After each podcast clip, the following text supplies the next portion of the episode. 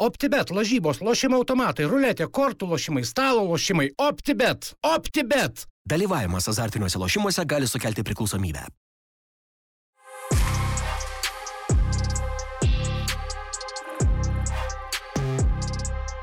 Sveiki, įsijungia dar vieną podkasto epizodą. Šiandien paskutinė spalio mėnesio diena įrašinėjom naują tinklalaidą. Arūnas Klimavičius tradiciškai čia studijoje, aš Lukas Gintautas ir šiandien du nauji žmonės, kurių mūsų studijoje dar nebuvo, tai yra Tomas Taniūnas ir Robertas Šuškevič. Teisingai pavardę ištariau. Taip, taip, taip, taip. Tai yra futbolo treneris.lt įkūrėjai, Vilniaus futbolo, Vilnius Football Academy treneriai. Ir, irgi įkūrėjai. Irgi įkūrėjai, taip. Tai aš pradėsiu nuo klausimo, kas blogesnė treneri. Geras klausimas. Tomai, pradėk. Tu visada pradedi. Ne, man tai gerai, vakar laimėjom, tu pralaimėjai, tai tu ir kalbė. Gerai, iš tikrųjų tai ge- gera pradžia, man atrodo, geras pavadinimas ir ypatingai kas liečia Lietuvos futbolą kol kas, bet mes tikim, kad, kad vieną dieną bus geriau ir, ir ties tuo dirbam kiekvieną dieną. O šiaip blogai, ne, nieko, viskas gerai, Žalgeris gerai žaidžia, e, akademija auga, tai nėra ko verkšlent. Labai pritariu. jo, iš mūsų pusės iš tikrųjų mes tengiamės dirbti pozityviai, bet žiūrim, kas nepozityvu į Lietuvos gal bendrą tą futbolą padėti. Dažnai turbūt galvoja, kad mes tokie kaip ir negatyvūs esam, bet mes už tai, kad auktų futbolas ir kartais tiesiai šviesiai sakom viską. Tai gal ne visiems patinka. Tiesa, ne visada patogi. Taip. Ja. E, Tas kas blogesnio treneri, tai čia buvo toks e, jau, nežinau, tradiciniu tapęs jūsų tinklalaidžių e, startas, kai jūs pradėdavot e, savo tinklalaidės, ten ir Evaldas Gelumbauskas juose dalyvaudavo. Tai e, kur dingot? Jau turbūt pusę metų nuo paskutinio epizodo, ar ne? Aš tikrinau, tai jau senokai nieko neįrašinėjot. Darbai. Jo, darbai per daug. Darbai pasiglemžė iš tikrųjų laiką ir, ir pamatėm, kad turim tokį šūkį, ką darai, darai gerai, tai jau matėm, kad gerai nebegalim daryti, tai nusprendėm. Nu ir kitų paskastų atsirado, ne? Nu ir kitų per tą laiką atsirado. Jo, Labai, labai gerų, labai gerų iš tikrųjų, bet mūsų buvo toks nišinis, kadangi mes kalbėjom labiau apie tą iš, mm. iš trenerių ir akademijų pusės ir daug gerų atsiliepimų gavom iš, vis, iš visos Lietuvos, tokių, kad maždaug mes jūsų klausom, tėvai žiūri, vaikai domisi, tai yra truputį palėtėm ne tą tokį ne, ne tą futbolo faną, kuris ten žiūri A lygą arba būtinai žiūri kokią konferencijų taurę, bet tą faną, kuris augina vaiką, trenerius ir taip toliau. Tai šitoje vietoje kažkada dar svarstėm ne, neseniai su Tomu, kad, kad, kad gal kalbėjom. reikėtų grįžti kokį vieną kartą per mėnesį, gauti tas tokias svarbiausias temas ir jas ap- aptart, pasidalinti, pasipasakoti ir, ir judėti toliau, nes kas svarbiausia yra edukavimas. Iš mūsų pusė ir buvo ta - edukuot labiau, ne tik kalbėti kiekvieną, kiekvieną dieną, kiekvienos dienos temom, o edukacija, edukacija, edukacija. ir aišku, kelt klausimus. Nu, apie Lietuvos futbolą, kodėl yra taip, o ne kitaip. Tai Dėl to ir pavadinimas toks buvo Jo. blogesnė, nes e, ne viskas yra gerai. Na, visu, visus epizodus aš žiūrėjau, jūsų tikrai toksai nišinis produktas ir vienas iš to, kai va, mūsų susikūrė ir buvo mintis, kad irgi pakelti temą ar svečią, kad nekalbėti visą laiką bendrai, kad va, irgi edukuoti ir, ir kažką tikrai nusukopijavom. Reikia, reikia, reikia pripažinti, kad e, jūs yra profesionalesnis ir, ir matosi, kad galbūt šiek tiek daugiau pastangų įdėta, nei mes įdėdavom, bet e, labai, labai faina, kad atsiranda tokių dalykų bendrai. Tokių podcastų atsiranda kalbančių, yra tinklaraščių visokiausių, mes visada už tai, nes nėra vienos tiesos, yra daug pusių ir iš daugiau, daugiau gali pamatyti visko per skirtingus Na kampus. nu, ir, ir tokie dalykai iššaukia ir diskusijas. Pavyzdžiui, mes kaip treneriai jūsų podcastus iš tikrųjų žiūrėdavom ir paskui kolektyviai ir epizodus tam tikrus padiskutuodavom iš tikrųjų, tai, nu, smagu. Apskritai- yra Apie ką kalbėti? Apie futbolą. Apskritai, kas mums ir patiems turbūt e, pagrindinis toks vežantis dalykas, kad yra Lietuvoje apie ką kalbėti, yra tų dalykų, kuriuos reikia paliesti, kuriuos reikia kelti viešumą, yra aktualių klausimų, kurie vat, e, pamatėm galų gale, kad na, ir žmonėm yra įdomus irgi, kaip ir sakot, tos diskusijos kyla, tai man atrodo, kad, e, na, ta prasme, visi su futbolu susiję tokie dalykai yra naudingi ir jūsų ta, kas blogesnio trenerių tinklalaidė man irgi atrodo, tai aš labai sveikinčiau tą idėją, kad bent kartą per mėnesį dar susirinktumėt ir, ir, ir kažką kažką pagvildentumėt. Aišku, pagvildensim ir šiandien, pagvildensim ir šiandien, tai turbūt galim nuo to ir pradėti. Ką tik patys užsiminėt ar ne apie tai, kad uh, žiūrėdavote į tai, kas galbūt yra tokio, ar ne, iš tos pusės uh, uh, negerų dalykų, ar ne, apie ką reiktų kalbėti, apie ką reiktų kelti į viršų. Tai nežinau, dabar pusę metų nekalbėjot viešai ar ne, pusę metų neįrašinėjot savo tinklalaidžių, tai kokie tie dalykai dabar jūsų akimis yra pagrindiniai, apie ką reikėtų kalbėti ir kur yra pagrindinės galbūt blogybės. Nežinau, ar, ar krypsim į jaunimo futbolą, ar, ar kalbam apskritai bendrai apie Lietuvos futbolo situaciją. Aš manau, viskas susiję apskritai yra. Tai O, čia čia taip. turi viską liesti. Mes, kadangi dirbame su jaunimu, esame jaunimo futbole, gal mums čia daugiausiai aktualumo. Ir aš manau, gal jeigu didelis dėmesys nukryptų į tą jaunimą ir pradėtume kelti jų lygį ir bendrai visas futbolas Lietuvos kiltų, tai turbūt pagrindas jaunimo futbolas ir matom tų dalykų iš tikrųjų, kur galima taisyti. Bet yra kažkas jau pat, ir pataisyta teisingai, nu palyginus tas, kas anksčiau buvo. Yra gerų poslinkių. Tai bet pradėk nuo gerų, ką, kas patinka. Kas patinka? Dabar vėl reikia apmastyti. Žvaigždutės patinka.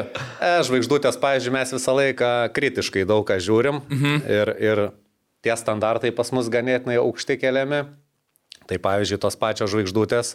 Čia mes kalbam apie sertifikavimą, Sertifikavimą, kuris visai taip. neseniai vyko. Mūsų nuomonė, kad e, per daug ir per lengvai išdalinta žvaigždučių jos per aukštos. Ta prasme, 3-4 žvaigždutės.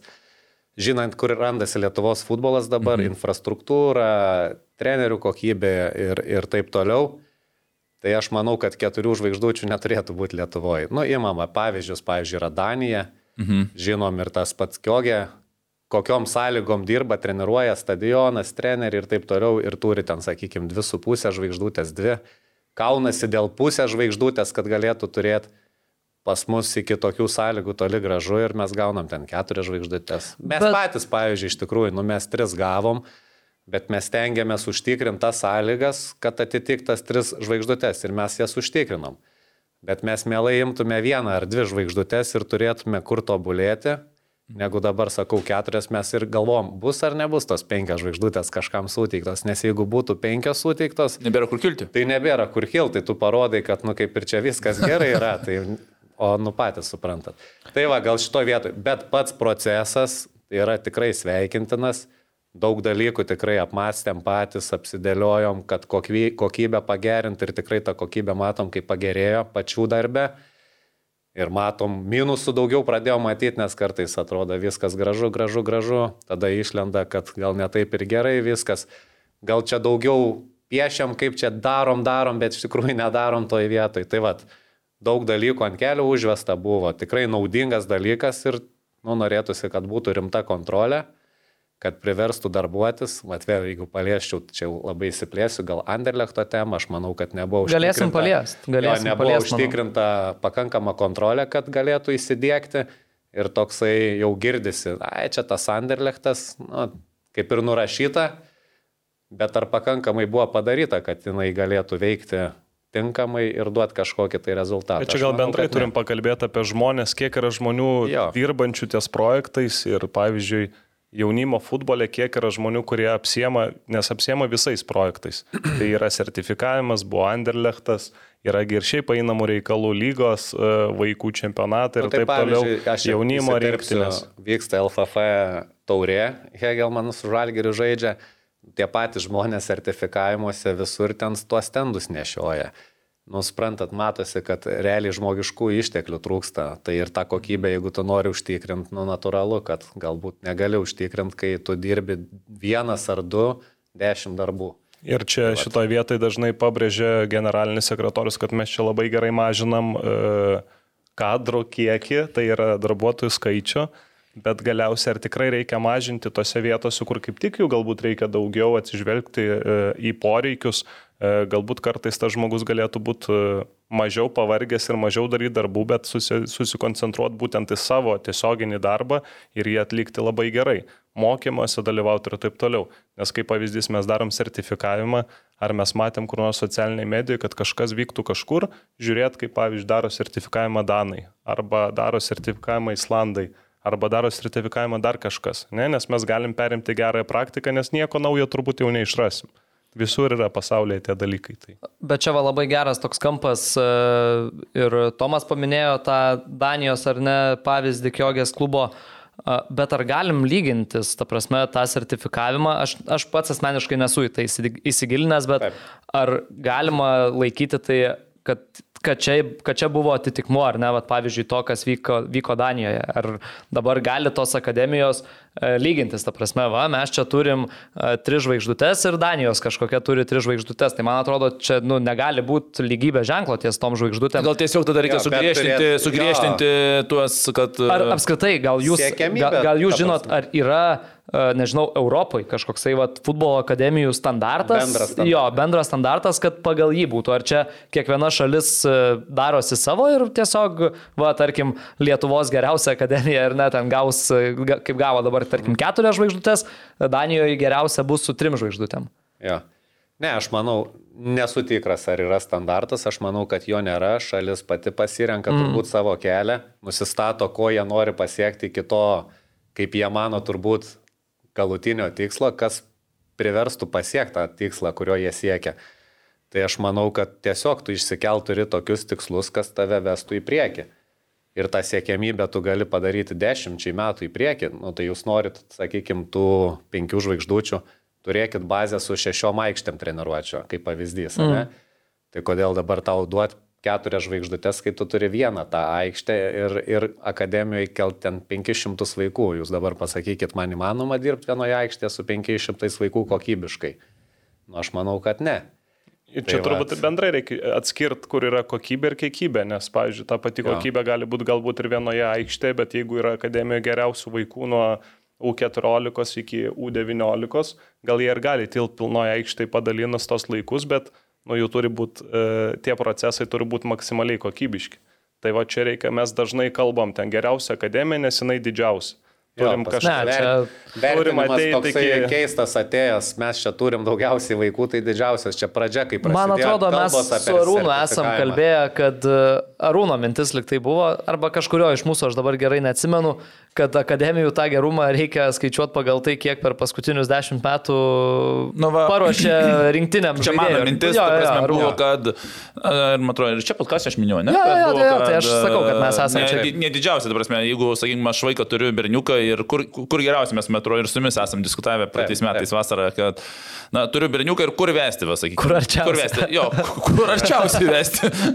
Pirmas dalykas, bet, o jeigu noriu aš pasiekti, pavyzdžiui, irgi man, nu, kaip, gaudausi, nu, tikrai jaunimo futbolė aš nesu specialistas pats didžiausias, nes berniukų neturiu. Taip kad e, kur vesti berniuką, pavyzdžiui, Vilniui, kokią akademiją? Na, Taip. mano būtų toksai, jeigu turėčiau, sakyčiau, kur didžiausia tikimybė, kad jis taps profesionaliu futbolininku. Nes, na, nu, jeigu berniukas yra šiek tiek sportiškas, tu kiekvienas tėvasgi nori, kad, na, įsivaizduoja, kad galbūt jis gali, galbūt jo čia ta yra sėkmės istorija, sakykime. Taip. Tai Aš ne, ne, nesurašiau atsakymo iš dalies, aš įsivaizduočiau, kurios yra geresnės, kurios prastesnės, bet tokio, kad e, akademija, kur man kaip skambina irgi pažįstami, kur vesti, nu, tai aš sakau, kur arčiausiai, nes e, man labai įdomus būtų procentas, kiek per kiek vaikų buvo sukurtas e, nacionalinis rinkinės futbolininkas, sužaidęs vienas rungtynės. Arba, pavyzdžiui, nu, ir imkim U21, nes mm. nacionaliniai yra galbūt per aukštą standartą, bet iki U21, tai va ten turėjai 5000 vaikų, sukūrė 2 U21 ir 1 nacionalinės, turėjai 1000 vaikų, sukūrė 3 U21 ir 2 nacionalinės. Ir procentaliai, ta prasme, tai ne du kartus blogiau Jo. Jie dirba, čia jeigu procentaliai imtai, tai čia apie 10 kartų galėtų greičiausiai prašiau vieną dirbti, o kitą geriau. Tai va toksai va dalykas, bet aš suprantu, kad jį sunku suskaičiuoti, nesuprantu, kad gal- galbūt tie vaikai ir keičia teisingai, taip. akademijas. Bet anksčiau to akademijų mažiau ir buvo, mažiau buvo keitimasi ir gal, aišku, nebesinori ten lysti, kapstytis 90-uose ir lentelės atsidarius kaž, kažką žiūrėti į priekį, bet principas turbūt kiekvienas savo mintysė turbūt padarys tą paskaičiavimą, pažiūrės ir, na, irgi man įdomu. vat, Ir ši- šiandien netgi iš tų pačių miestų, pripažinkime, kad tas pats ir, ir Kaunas buvo vienu metu Aš bijau sumeluoti, bet e, dabar aišku bus specialistai, kurie žiūri ir sakys, negi tas ten žaidė. Man atrodo, vienu metu buvo, ar ne tik Vyčius paskutinis, kuris žaidė rinkinį. Po to, nu, dabar gal jau atsirado, dabar vienu metu prieš kelius metus ten Kaune apskritai labai mažai buvo. Ir kitų miestų tikrai yra, nėra, ne vien Kaunas šeimo. Bet va čia ir yra ta kokybė, apie kurią mes kalbam ir kurią turi, turim užtikrinti, jeigu mes norim kažkokį žaidėją užauginti visi kartu. Ir va čia tas žodis visi kartu, nes pas mus visi atskirai. Visi, visi viską daro, kiekvienas savo pusę, savo interesais. Ir šimtą kartų sakiau mūsų podcastuose, kad turi būti bendras interesas futbolas, Lietuvos, o tada yra šalia yra visi kiti ten užsidirbti pinigų, e, kažką ten dar pasiekti ir apskritai vaikų futbole užsidirbti pinigų turėtų būti, e, neturim apie tai kalbėti, nes turim kažkokią aišku išgyvenimo šaltinis, tai turi būti alga, bet tai neturime tikėtis, kad čia galim vilas pasistatyti prie jūros, nes dirbam vaikų futbole.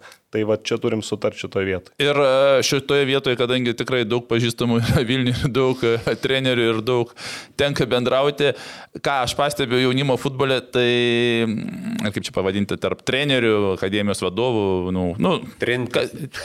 A, taip, kad kiekvienas mano, kad mes dirbam a, gerai, o neminėsiu pavardžių, nes, nu, ta prasme, čia yra toks užburtas ratas. A, Jūs irgi sakot, kad gerai dirbat, kiti sako irgi, kad mes gerai dirbam, o tie kiti ir ta, ką aš pastebiu jaunimo futbole, tas ir yra čia šimtas procentų, su kuo be pakalbėsi.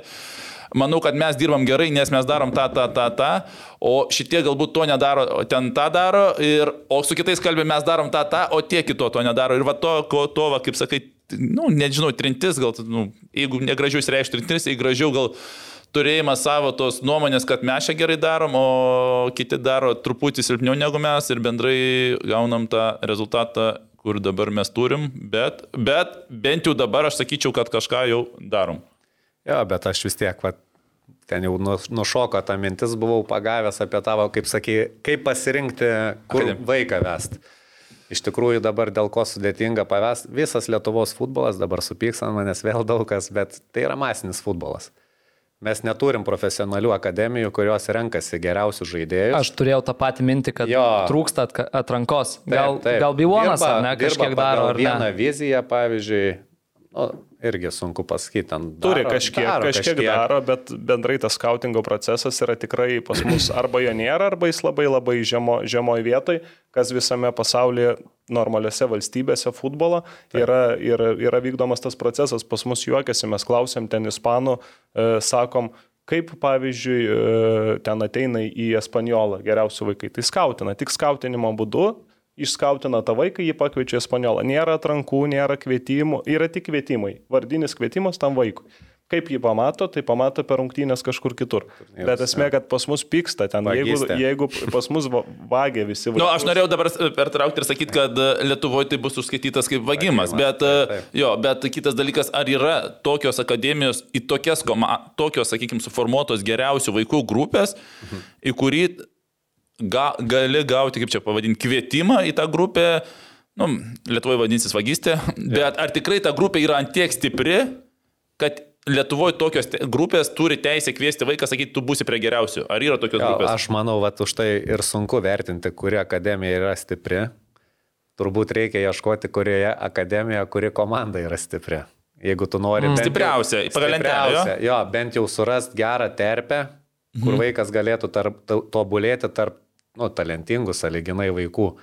Nes pripažinkim, gerą vaiką tu įmesk į nu, blogą aplinką, kur nėra konkurencijos. Tai vaikas, nu jis tenai kaip ir gerai jausis, jis lyderis bus ir taip toliau, bet iš tikrųjų kreivė eis žemyn, nes tu negausi pasipriešinimo treniruočio metu, kokybiško galbūt to apskritai, kaip čia įsireikšti, ant taktinio supratimo jo, nes ten vaikui reikia sužai sieną, reikia įkirtimui, bėg draugai nesupranta tų dalykų aplinkui. Na ir tu leisiesi žemyn galiausiai. Tai realiai reiktų ieškoti aplinkos, kuri yra konkurencinga ir aišku, reikia atsižvelgti treneriai, kas su kuo, su kuo tu dirbsi. Nes kartais būna mes, tėvai čia gal labiau vertina, ai tie čempionai reikia pas tuos eiti, bet jie nežiūri, kokie procesai treniruotėse vyksta. Žaidimo stilius, sakykime, ne, vieni mokinasi žaisti, žaidinėti, tą rezultatą kartais sunkiau pasiekti. Kiti ten tuo paprastuoju būdu, kaip sakau, parašytėlius kabina, vienas didelis bėga ir laimi ir visi kaip ir oi, mes čia čempionai, paskui po kurio laiko sako, kur čia tie čempionai dingo, nei vieno žaidėjo, nei vieno futbolininko. Tai va, tai prie to ir privedu, kad šiai dienai mes masiniu futbolu užsiminėjom, neturim akademijų stiprių, kuri periodizaciją normaliai vykdytų, tikrą periodizaciją. Girdėjęs esu ten tų pasakų irgi apie periodizaciją darom, aš čia vėl, Robertas juokėsi. E, Darom periodizaciją, bet... Ne, kad blogai atsiverti... iškirpsim. Jo. Jokauju, nekerpamės. Na, darom periodizaciją, atsiverti, treneris dirba su 2008 metų komanda, kuri žaidžia 11 prieš 11 ir dirba, kaip pavyzdys, čia su 2013, kuri žaidžia ten 5 prieš 5. Tai kokia čia periodizacija? 5 prieš 5 futbolo išmanimas turi trenerio būti ir amžiaus tarpsniai yra, kada vaikas, nu jūs suprantat, kaip galvelė dirba skirtingai 13 mečio ir, ir 8 mečio. Bet čia šitoje vietoje tas sertifikavimo procesas jis ir tok, tokios įtakos turi geros, Jo. nes e, biški pastumė susitvarkyti šitoje vietoje ir tai yra tikrai geras procesas, kuris taip kokybiškai vertinant, jisai turi prisidėti prie kokybės ir gerinimo futbolo tos visos sis- sistemos. Kas, kas keista galbūt, kad mes paaiškėjo, kad turim tik 30 akademijų, dabar sertifikuotų, man atrodo, 30 yra, Mhm. tai Lietuvoje yra tik 30 akademijų. 30 įsivaizduokit. Nu, Iš jų turbūt- iš jų turbūt pusė mokyklų, Vilniuje. Sakykime, mokyklų, ne akademijų. Nu, tarkim, ja. futbolo įstaigų, bet Ja. kaip čia yra labai labai mažas kiekis ir bendrai iš tokio kiekio labai sunku užauginto žaidėjas, mes turim tai suprasti, nes kuo didesnė konkurencija, tuo geresnį vaiką arba, galim sakyti, iš verslo pusės produktą gali pa- padaryti. Tai tarkim, mes Vilniuje turim dabar virš 20 įstaigų kažkada skaičiavom futbolą e, vaikus tam tikrose amžiuose auginančių, o tarkim visi kiti reiškia yra Kaune ten 3 gal ar 4 įstaigos, Klaipėdai 2 ar 3, paneveži dabar antra ekrano atsirado, bet visą laiką buvo ta pati futbolo mokykla. Ir čia labai labai maži skaičiai ir visi pyksta, visi jaučiasi nepatogiai, kai kažkur, vat, panevežiai atsirado ekranas, visi susinepatogino, kad, kad ekrano akademija atsirado. Bet čia yra geras postumis ir mes turim suprasti, kad konkurencija veda prie gerų dalykų. Mes atsiradom kaip akademija, visi irgi kreivai ten žiūrėjo, buvom didžiausi priešai, norėjo iš čempionato išmest, ne, kad nedalyvautume. Mhm. Bet realiai e, galiausiai mes matom, kad tam tikrai savo veiksmais nepasididžiuojant stumėm kitus į viršų. Ir mes norėtume, kad kiti mūsų stumtų taip pat. Taip. Kad mes visi kurtume gerą kokybinį procesą tam Lietuvos futbolui, o ne mano kišeniai, Tomo kišenė ar jūsų. Mm. Tai tokia mintis. A, Užsiminėt apie tą konkurenciją, kuriuose sferose tarp akademijoje jį pasireiškia labiausiai? Ta- Jūsų dėl vaikų nuomonė. Rezultatai. Rezultatai, bet dėl vaikų labiausiai turbūt yra. E, Sakykime, nutinka taip, kad ateina į pas mus į akademiją, kreipiasi žaidėjas su teveliu, kad norim prisijungti. Nu, ir jeigu prisijungia, automatiškai jau kiti pyksta. Ir čia vėliojai, nu, tų pasakų ten prisiklausę, mes ten ko tik nedarė esam ten. Bet iš tikrųjų, nu, čia normalus procesas. Jeigu jų netenkina, jie keliauja pas mus. Tai Mes, turbūt automatiškai lygiai taip pat ir iš jūsų būna, Tai kad aišku, išeina mes, pavyzdžiui, akademijas. išeina ir dabar, pavyzdžiui, vieną auklėtinę, kaip ir praradau, sakykim, išėjo į kitą mokyklą, bet aš mastau, ką aš netaip padariau, kad jis iškeliavo. O nesakau, kokie jie blogi, kad pas juos nukeliavo, nes, nu, dabar mano mintis. Žinau, pavyzdžiui, susidedu, jisai nežaidė kaip ir pagrindiniai sudėti pas mane. Galbūt aš kažkaip kitaip galėjau ten kažką pakreipti, gal per griežtas buvau kažkurioje vietoje. Tai pats sėdi ir analizuojasi darbą, bet pagrindinis tai va dėl vaikų ir sakau, to pykčio labai daug ir... ir, ir, ir O dar klausimas, vienu metu gi buvo įvesta už vaiko perėmimą suma į... Yra? Neįvedė to. Neįvedė. Neįvedė, jo? Įvedė, yra nuo, nuo tam tikro amžiaus, nuo, 11, pri- nuo 12 ar 13 metų yra, kada jeigu vaikas pereina iš vieno klubo į kitą, jeigu tu kont, e, pinigų nėra, bet turi raštą parašyti. Raštas mm. turi būti prieš septynias, man atrodo, dienas. Šiaip ši sistema atrodo taip kvailokai vaiko atžvilgiu. Mes šiaip neturim Lietuvoje tiek vaikų, kad mes galėtume juos spausti ir, ir jiems, jiems kenkti kažkaip, nes pavyzdžiui dabar, įsivaizduokit, e, yra situacija, vaikas norint išėti iš akademijos turi kreiptis, tarkim, į mus. Mes turim parašyti e, tai organizacijai, kad sveiki, toks ir toks vaikas kreipiasi į mus, nes nori pas mus pasibandyti. Tarkim, jis pas mus nepraeina atrankos. Jo, ir grįžta- Ten, tai įsivaizduokit, darbu, darbdavys, e, jūs einate į pokalbį į kažkokią įmonę, kur jūs mm. samdo, e, ta, dar, ta įmonė turi pranešti tą įmonę, kur dirba žmogus, kad pas jį ateis pasibandyti kitas. Nu čia absurdo, absurdas iš esmės. Vaikas tada patiria spaudimą kažkokį. Apskritai, man ta sistema iš tikrųjų čia, kai bandė dėkti tuos perėjimus, nu čiagi, būkime atviri, kai kurių žmonių interesus bandė gint, bet iš tikrųjų tai viskas prieš futbolą nukreipta, prieš vaikų gerovę ir taip toliau. Tai jeigu tu dirbi, pavyzdžiui, nekokybiškai, tėvai mato, vaikas blogai jaučiasi, nes treneris ten gal reikia ant jo aplinką prastai ir jis nori pakeisti mokyklą ir tu neleidi jam pakeisti. Nu, čia absurdas.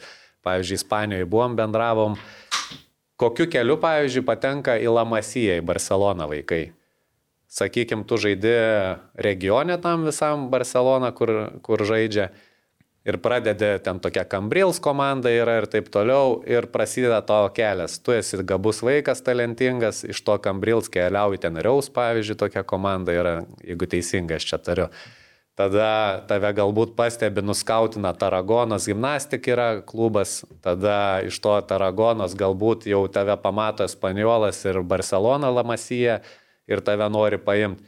Bet esmė, kad tas vaikas keliauja, eina filtrus, keliauja, keliauja, nieks jam neužkerta kelio, keliauti nesako, ne, čia mūsų vaikas netiduosim, nėra ten karų, pykčių kažkokių. Yra normalus procesas, eini kur aukštyn, kur geriau, kur geriau.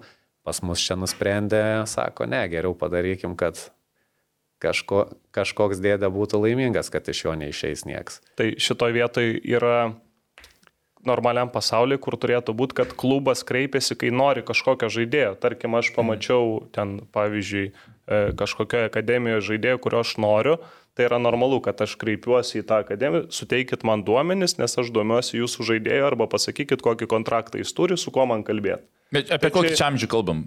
Tai tarkim 11 prieš 11, nuo 14 metų. Ai, nuo 14, na, nes Taip, tikrai. 8 metai tai... Apie, na, čia jo, jo, yra dėl- juokinga. ten, ten apie tai iš vis neturėtume kalbėti, jie turėtų laisvai judėti. Nu taip, ir- jeigu aš tėvas, kur nori ten vidu, ta Bet prasme, aš pinigus e, apie tai galėtume atskirai atskirą podcastą su kokiu teisininku padaryti, ko- kokios yra sutartys akademijose tam Jo. tikrose, kad ten pasirašo su velnio, atrodo, sutartį, kad tu negali sportuoti, paskui jeigu tu Individualiai futbolo, negali, negali eiti individualiai pas kitus trenerius.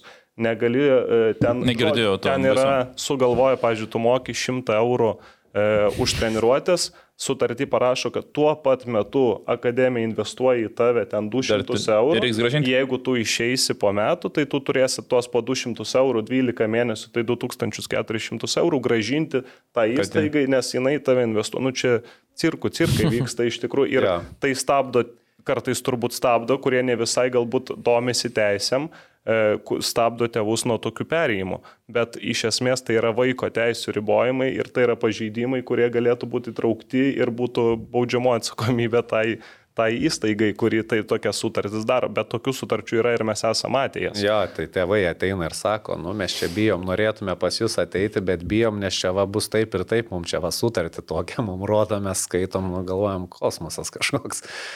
Tai va. Bet, e, nu, ir tėvai, sakykime, aš, nu, ne, neimkim tenais, jie pasirašo, ne, Pasirašo, neatstovi savo punktus, tai kuo daugiau domiesi, galva, ta vienas ir yra iš mūsų tą, ką mes darom, ta prasme, šviesti tėvus, ta taip, prasme, taip. kurie žiūri, tai ta prasme,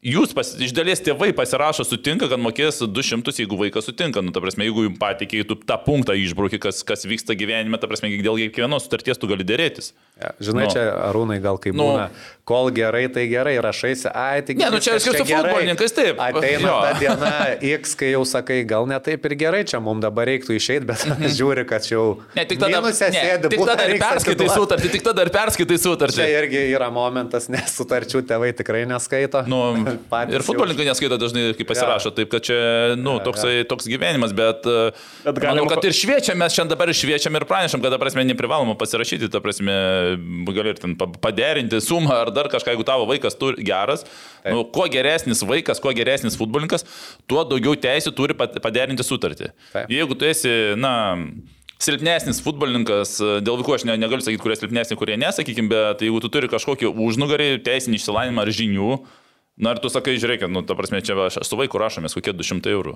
vyrai. Ja. Nu, teisingai, nu, bet kai kurie nežino, Teisingai, du kartus ant to pakimba, nu, ketvirtą sutartį, kai bus vaikų 15 metų, perskaitys. Futbolo kontekste mes taip kalbam, atrodo kartais, nu gal čia kažkokios logikos yra, tarkim, galim darželio kontekste. Lankai vieną darželį tvarpelius ir nori pereiti į nebu- žiburėlį. Tai sveiki, jūs du metus pas mus darželė buvo, dabar susimokėkit 5600, nes ugdėm jūsų vaiką. Ja, ja. Taip, taip, taip, taip. taip. Ne, tai vad ir čia matot, apie kiek šnekam dabar vien problemos Lietuvos futbolė jaunimo. Nes iš tikrųjų tai čia, nu, problemos aš. Bet atkreipkite dėmesį, atsiminkite tas, tą, ką sakiau apie interesus, tai įsivaizduokit, iš esmės, jeigu visų būtų interesas futbolas, tokių dalykų nebūtų. Galiausiai mes visi su, prieinam prie to, kad interesai yra tam tikrų asmenų arba įstaigų arba organizacijų, kad, kad, kad būtų jiems kuo patogiau, o ne, futbol, Nu, ne kaip, futbolui. kaip, kaip tu norėtum išlaikyti dabar vaiką, jeigu negalėtum ten tokių sutarčių rašytis? Nu, tai stengtumės užtikrinti kokybiškus procesus. Kurt kažką tokio, ko kiti negali pasiūlyti ir pas tave natūraliai vaikai norės būti. Eit, tu dabar matai, kad kažkur nebesugebi konkuruoti ir sakai, davai tada pažavokim per sutartis judėjimą vaikų. Mm. O klausykit, uh, užsiminėt apie tą pavyzdį, kad uh, jau šiek tiek vyresni vaikai, norėdami pakeisti akademiją, turi gauti ant tą, ar ne, to- tokį kaip vos nepaleidžiamą įraštą, ar ne? Taip, taip. Ar būna, kad, tarkim, piktybiškai atsisako akademiją paleisti? Neturi Kai- teisės, neturi teisės, jie turi paleisti, jeigu, jeigu pagal sutartį viskas yra gerai su jis yra atsiskaitęs ir kažkokiu nėra, nėra kitų įsipareigojimų pasirašytų, privalo įstaigą paleisti, mhm. bet vaikas turi išgyventi, pavyzdžiui, savaitę ten e, esam girdėję tokių situacijų, kur ten patiria e, emocinį smurtą prie, nuo trenerio, nuo Spaudimą, emocinį spaudimą, ne? spaudimą, nu, bet gali kartais ir iki smurto Nu, davesti. Ne, tai čia buvo atvejis vienas, kai vaikai išstatė prieš visą komandą, čia kapitoną raištį nuplėšė, kad išeina Jo. į kitą akademiją, nu, tai įsivaizduokit, kas per dalykai vyksta. Taip, taip, tai čia... Tai paskui kiti pamato tokį pavyzdį, bijo išeiti, nu, nes, nu, čia. Mm, Šiaip baisu, apie ką mes kalbam, bet tai yra Čia baisus baisu, jo, aš tai dalykai. tikrųjų istorijų Tai yra negirdėjau. baisus dalykai. Daug bet- istorijų girdėjau, bet šitų negirdėjau. Tai va, va čia va ir yra, kai mes kartais sakom, ai čia tik tai negatyvas, kalba apie negatyvą, bet reikia kalbėti apie tai ar nereikia. Faktas. Aš Faktas manau, kad reikia, reikia. kelt viską į viešumą.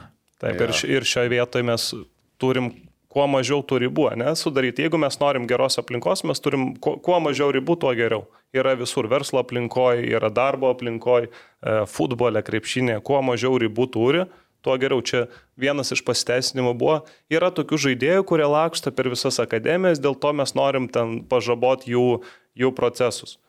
Ok, tegu laksto. Aš irgi nematau problemos, jisai ieško gal savo vietos, kuriam Tegul labiau laksto. tinka. Kas, kas čia, kur čia problema šitoje vietoje? Taip. Kaip pavyzdys yra, ten žaidžia elitiniai lygoje vaikai arba jaunimo čempionate. Jisai prisi- sužaidžia, ten tarkim, pusę sezono, buvo registruotas rungtynėm, jisai nori vidury sezono pereiti, jis 40 dienų negali žaisti. Yra toks Tai aš čia punktas. papildysiu gal, nes pats susidūriau su tuo, tai net nebuvo sezono pradėjęs, tiesiog komet sistemai. buvo Paraiškoje buvo registruotas. registruotas. Ir atėjo žaisti pas mus ir 40 dienų negalėjo žaisti 11 metų vaikas. Tai kieno čia interesas, Vat mes dabar 40 galim versti, ar žaidėjo, ar organizacijų. Tai šitoj vietoj, kam, kam reikia, jeigu abi organizacijos sutarė, tarkim, mes su- sutarėm kaip akademija su kita akademija, kad mes paleidžiam tą žaidėją, tai mano interesas jis tegul iš karto žaidžia. Taip, taip. Kam, tas, kam to 40 dienų, kad vaikas būtų be, be rungtynių. Tai vėl mes čia kreipiam. Toks vyrų futbolė, aš suprantu, ne, kai ten vidury sezoną tie langai užsidaro Nu, nu, taip, ir viskas, taip. tu negali. Bet jaunimo Taip, futbolė taip, tikrai čia to reikia. jaunimą kalbant visišką Nu, nesąmonę. tai mūsų tikslas turėtų būti, kad apskritai vaikai kuo daugiau žaistų futbolu, mėgautųsi, būtų jame dabar tokių sąlygų pridaryta. Klausimas, ar mes tais vaikais pakankamai pasirūpinam. Nugi neturim tų talentų tiek daug, kad galėtume švaistyti juos. Mhm. OptiBet, lošimo automatai, OptiBet. Dalyvavimas azartiniuose lošimuose gali sukelti priklausomybę. Baigėsi Anderlechto kelionė, ar ne Lietuvoje? Ja. Tai kaip manot, kur buvo tos pagrindinės, nežinau, irgi turbūt bėdos problemos, kad jis čia gal kai kur prigijo kažkiek, kitur visai gal neprigijo ir kodėl buvo nuspręsta, kaip jūsų, jūs galvojat, atsisveikinti su šita Belgijos sistema. O jūs patys naudojat Vilnius futbolo akademiją ar ne? Ne. Ne, mes, Mes- mes kūrėmės kaip tik ten pabaigoje. Šiaip vad bendrai nuo ko pradėti reikėtų, tai mano galva čia turėjo arba gauti e, kažkokiu būdu, va, visi procesai ne, ne, ne taip turėjo sudėlioti, būt, turėjo būti sertifikavimas, išskiriam ten keturių, trijų žvaigždučių akademijas ir jom duodam Anderlecht programą.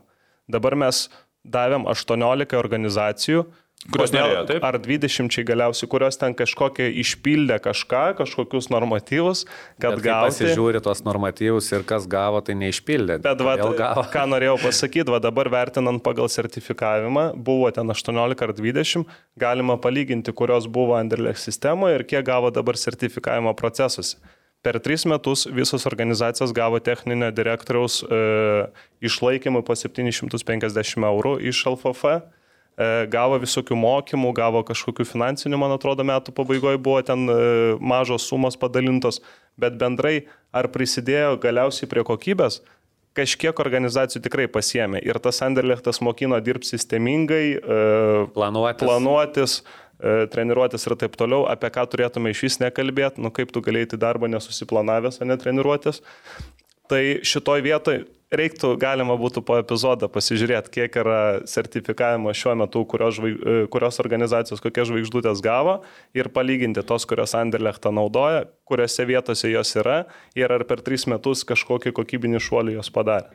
Tai, tai čia va toks retorinis klausimas, vėl mūsų niekas nemėgs, ypatingai iš e, LFF, bet nu, tokias problemas jas reikia kelt. Mm. Jo, ir toliau apie kokybės tą užtikrinimą, dėl ko neprigijo Anderlechtas vėl, aš manau, kokybės užtikrinimas. Esam kalbėję ir su Deimantu apie tai ir pats esu kalbėjęs, kad sakau, jeigu nesilaiko, reikia kirst griežtai, pašalinti, pavyzdžiui. Ne- Nei viena, man atrodo, akademija nebuvo pašalinta iš, iš to pačio Anderlecht. Tu realiai finansavai galbūt tuos, kurie tiesiog net neįvertina, kad jie gavo tą Anderlechtą, nei jie dirba, nei jie ruošiasi dirbti, nei jie nori dirbti, nei jie dirbs ir tu vis tiek pinigus į juos meti. Tai gal, kad užtikrint kokybę, gal reikėjo, kaip Robertas ir sakė, mažiau tų akademijų. O galbūt duot visiems ir mokinti visus ir švies. Čia irgi gal klausimas. Gal kitos akademijos norėjo, bet negavo. Gal iš kitų akademijų, pavyzdžiui, kaip man čia tokia mintis kažkada kilo. Tu esi gal mažesnė akademija ir neturi, sakykime, programų kažkur ir gauni tą pačią Anderlecht mokymus, gauni viską ir tu tobulėji. Ir kažkuriuo metu gal tu farm klubas tas tampi vadinamas e, kitiem vaikus tiek, kurie irgi jau eina pagal tą sistemą auga. Jūs įsivaizduokit, aš auginu pagal iš vis neaišku ką, talentingą vaiką, nes man pateko jisai. Jisai ateina 12 metų į Anderlecht akademiją ir jis ten nei gaudas, nei supranta ir žiūri, kad spragų pilna ten pridaryta. Tai gal aš būčiau tas spragas užpildęs ir paskui jie tas didžiasias akademijas būtų papildę. Bet bendrai tariant, tai faktas, kad tai buvo kokybės, kokybinis žingsnis bent jau kažkam tikrai taip į priekį. Ir čia būtų kvaila sakyti, kad tai yra visiška nesąmonė ir to nereikėjo. Galbūt kažkiek procesus kitaip sudėliot, bet bendrai tai yra geras dalykas. Ko e, galbūt pasigendame turbūt bendrai, to tokio strateginio mąstymo. Per tris Mokymų. metus įdėkti sistemą ir per, po trijų metų tikėtis kažkokių rezultatų, Nu, būkim teisūs, turbūt neįmanoma niekur. Per tris metus va taip greitai pasieks žaidėjai, per tiek laiko neįmanoma, kad užauktų. Nepamirškit, kad pirmus, antrus, trečius metus mes tik mokėmės dirbti su tą sistemą. Taip, taip. Peržiūrėti procesus, adaptuoti prie mūsų komandų, e, prie mūsų akademijų arba įstaigų ir taip toliau. Tai ko pasigendam turbūt mes bendrai, tai tokio nuoseklaus strateginio mąstymo į jaunimo futbolą. Negalim tikėtis po dviejų metų, kad mes pradėję kaip akademija savo darbo, kad dabar mes nacionalinė rinktinė užauginsim, uh, užauginsim žaidėją. Bet mes va ir viduje kalbam ir su Darvidu, su Tomu, kad mes privalom prisimti atsakomybę už to žaidėjus, kuriuos ugdom. Jeigu jie nedauks nei vienas iki jų iki tam tikro lygio, mes privalom prisimti atsakomybę ir galvoti, ką mes padarėm ne taip. Ir galim pasakyti tiesiai išviesi, kad e, sorry, mes darėm blogai, mūsų procesai netiko, mes peržiūrim ir važiuojam toliau. Bet pas mus ar kada nors girdėt, kad kažkas sakė, nu iš tikrųjų tai blogai dirbom, e, niekas neėjo, procesai visi prasti ir nu, labai atsiprašom, bet bus geriau. Ne, pas mus visi ordinus gauna už jaunimo ūkdymus, už futbolo populiarinimą ir taip toliau, bet kaip rezultatų nėra, kaip jaunimas neauga, taip neauga. A, Aš Ir, ir, pridėsiu, ir čia aha. va dabar mintį pagavau, kai Arūnais, kai vat reikia paskaičiuoti, kiek rinktinį jų šūkdė, ne? Bet visą laiką atsiras tie, kurie išugdys rinktinį. Jeigu tu būsi 250 vietoje, vis tiek tu išugdysi į rinktinę, ne žaidėjus kažkokius. Nu, Pačiam žemiausiam. Jo, bet, nu, reikia paimkim tą mūsų tą daržą. Jo, vertint gal mums reiktų vertinti, kokio lygio mes tuos žaidėjus rinktinėje jo, bet kiti netgi to lygio, aš, mum, im, Jo, imkim jo. mūsų daržą, ta prasme, Taip, taip. ir e, netgi to neišaugdinom, tai neimkim pasaulinio kokio Manchester City futbolininko ar ten Taip, top taip, 5, taip. bet imkim mūsų daržą, čia toksai normalus, bet aš dar kitas klausimas, aš man irgi ta mintis patiko irgi ant savęs minties pagau, nes e, tikrai dėl atsakomybės Lietuvoje čia yra ta problema, kad, ta prasme, mažai kas e, mėgsta prisimti atsakomybę, nors jeigu tu dirbi, darai ir kartais nesigauna nieko blogo, gal ir pasakyti, kad, nu, Hebra, sorry, šį kartą nesigavo, nors penkis kartus gavas man, ta prasme, čia nėra. Bet e, dabar pagal minti, nu, Lietuvoje yra paprasčiausiai turbūt visą jaunimo futbolą tas nesėkmės, nes, nu, tai, kur mes stovim dabar reitingė, tai čia yra nesėkmė.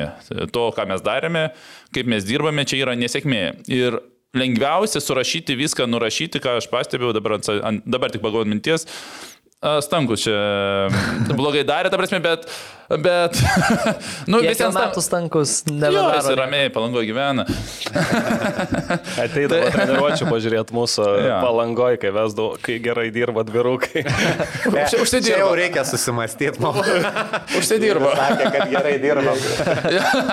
tai jo, tai va tas va yra dalykas, e, e, nurašymas ant, sakykime, vieno žmogaus ir galbūt aš tikiuosi bent jau žmonės, kad, sakykime, ir pas, pas save panalizuoja, kad galbūt mes tuos e, kiek metų dirbame nelabai kokybiškai, o atviriau tariant, blogai.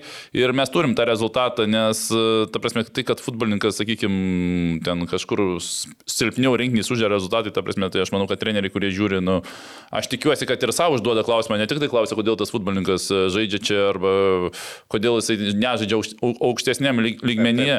Ir dar vienas mano klausimas, sakykime, buvo, ne klausimas, tokia mintis. E, Kokia jūsų vyriausia grupė? 2-7 dabar tai U16. U16. A, nu jums dar per anksti.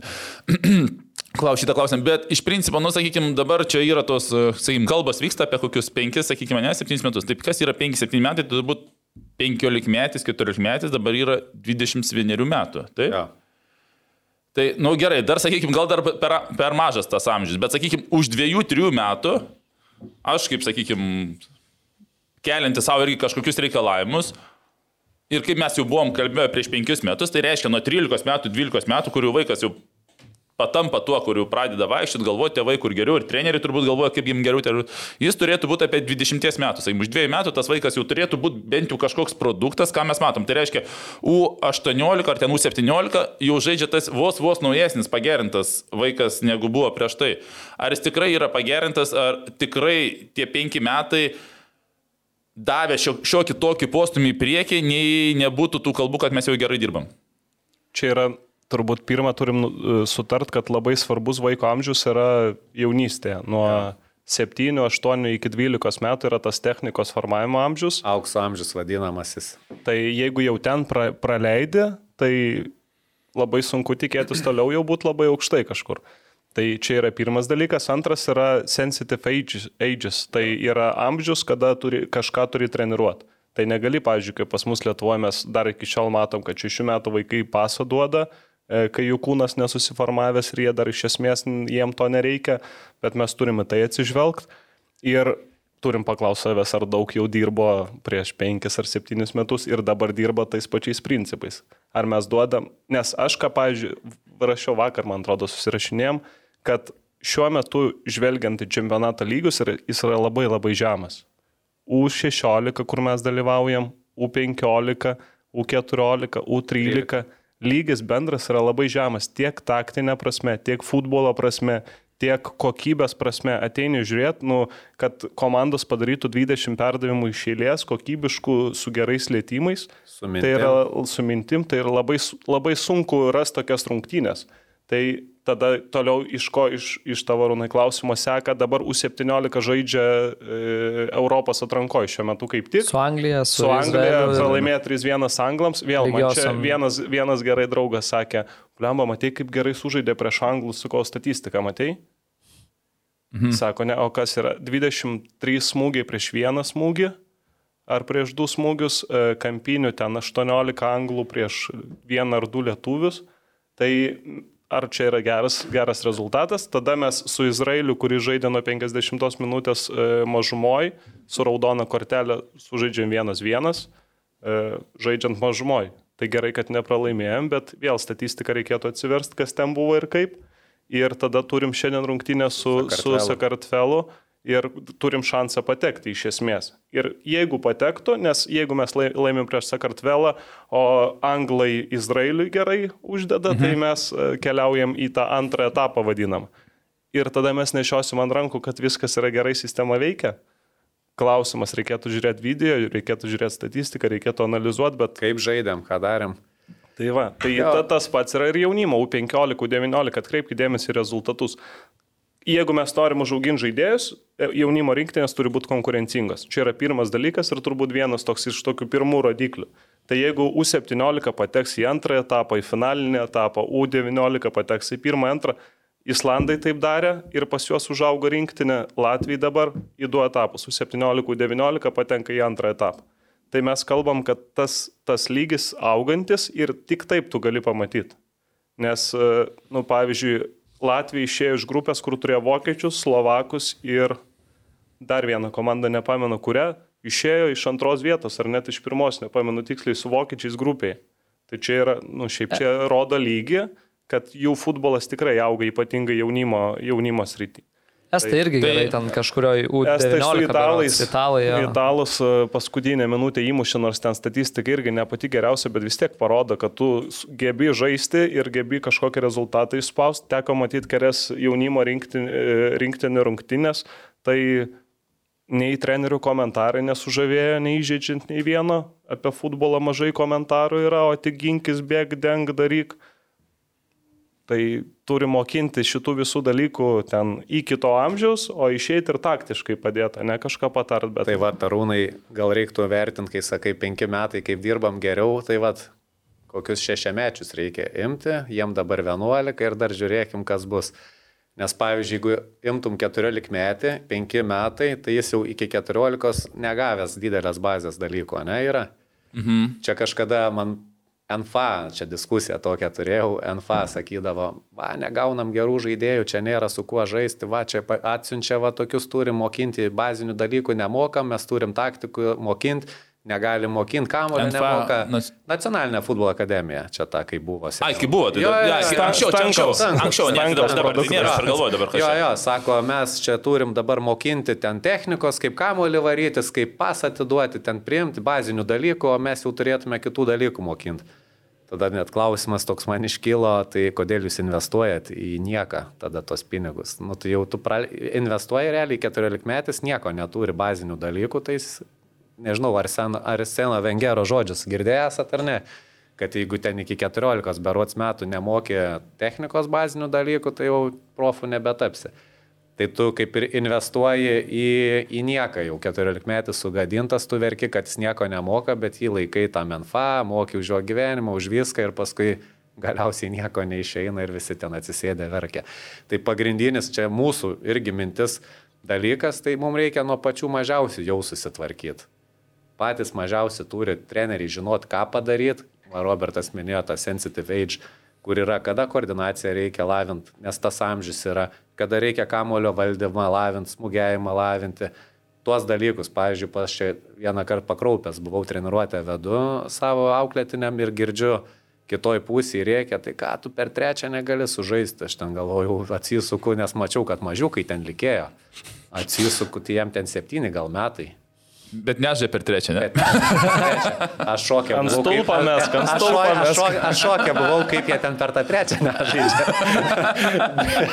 ne, bet esmė ta, kad tu tada supranti, treneris, kokių dalykų reikalauja. Darželis Pragos nemokina per trečią žaisti. ja, ja, tai bet tokie dalykai atsiranda visiškai vėlesniam amžiui. Tai ką norėjau pasakyti, sensitive age, kas tas yra, tai tu praleidi tą metą, kai reikia tau lavinti koordinaciją reikia lavinti kamulio valdymą, tu mokini ten taktinių dalykų. Kai ateina iki taktinių dalykų, jie kamulio valdyti nemoka, nieko nieks nesigauna, ką tu ten pritaktikuosi, kai jisai presingą gauna, iš to presingo niekad neišeis, nes pamatė varžovo akis išdegusias, nežinau ką daryti.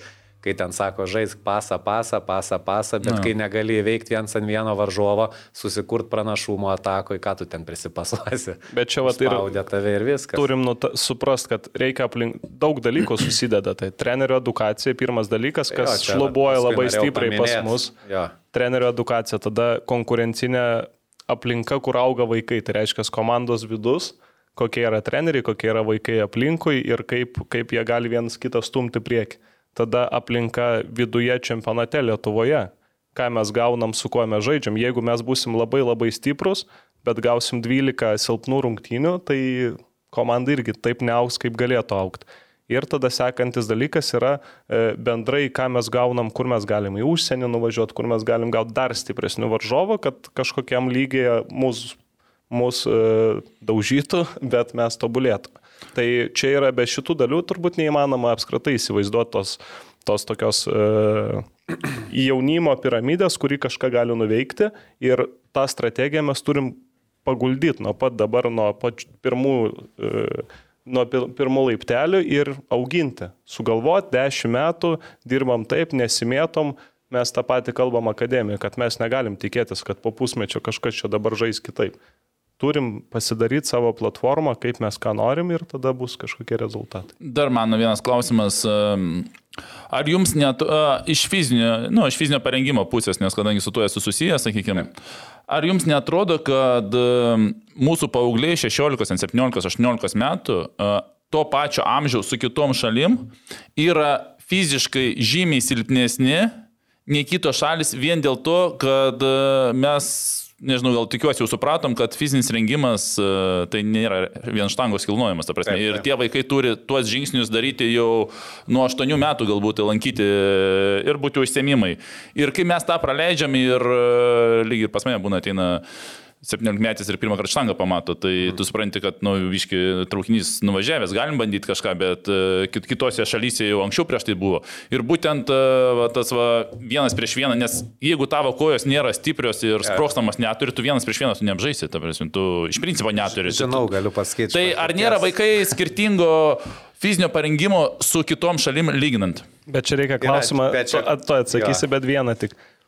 Pats arūnai žinai, pas mus iki šiol jau net norėjau klausti, prieš kiek atsirado laiko tie atletinio rengimo treneriai visose ten vietose. Bet kiek dabar neturi lygos klubų, kiek neturi atletinio rengimo, A lygos ir pirmos lygos pažiūrėkim. Mes skaičiavom, kai Marius Čeliauskas buvo, man atrodo, neturėjo iš 10-14. Tai... tai mes kalbam apie jaunimo futbolą, dabar atsiranda tais reikalavimais sertifikavime, taip toliau, taip toliau. Atsiranda, įsivaizduoja, 22 metai eina, atsiranda atletinio rengimo poreikis. Tai čia šiaip yra kosmosas ir dabar Tomas gali atsakyti, ką nori. Jo, taip bet. tu dar gražiau padarė dabar tiesiai šviesiai. ne, iš tikrųjų čia daug yra, nu, daug dalykų. Pavyzdžiui, paimkim, kartais ateina, sako, matei, lietuviai ten žaidė su tais ir ten, nu, vieni vartai tie fiziškai stipresni, tai paimkim, kad atrankos yra. Yra, aišku, čia amžių žiūrint, mhm. kokį vertinsim. Tu ateini žaisti, nu, paimkim pavyzdį Juventusas, ne, atvažiuoja ateitis, kapas vyksta čia Lietuvoje, atvažiuoja. Atrinkti vaikai yra, kurie natūraliai jau genetika, mhm. viskas ir, nu, net meskim iš šitų dalykų, jie atsirenka. Ir ateina vaikai, kas atėjo, tas atėjo ir dabar žaidžiam mhm. su Juventusu. Nu, normalu, kad jie ir fiziškai stipresni, ir visokie kitokie. Antra bėda, aš manau, yra iš valstybės jau čia eina. Nu, kas darosi su kūno kultūra, su nutukimu dabar, pavyzdžiui, iš tikrųjų, nu, mes kadangi dirbam su vaikais, tai matom, kas ateina į treniruotės, kiek su viršsvariu, kiek problemų mhm. yra.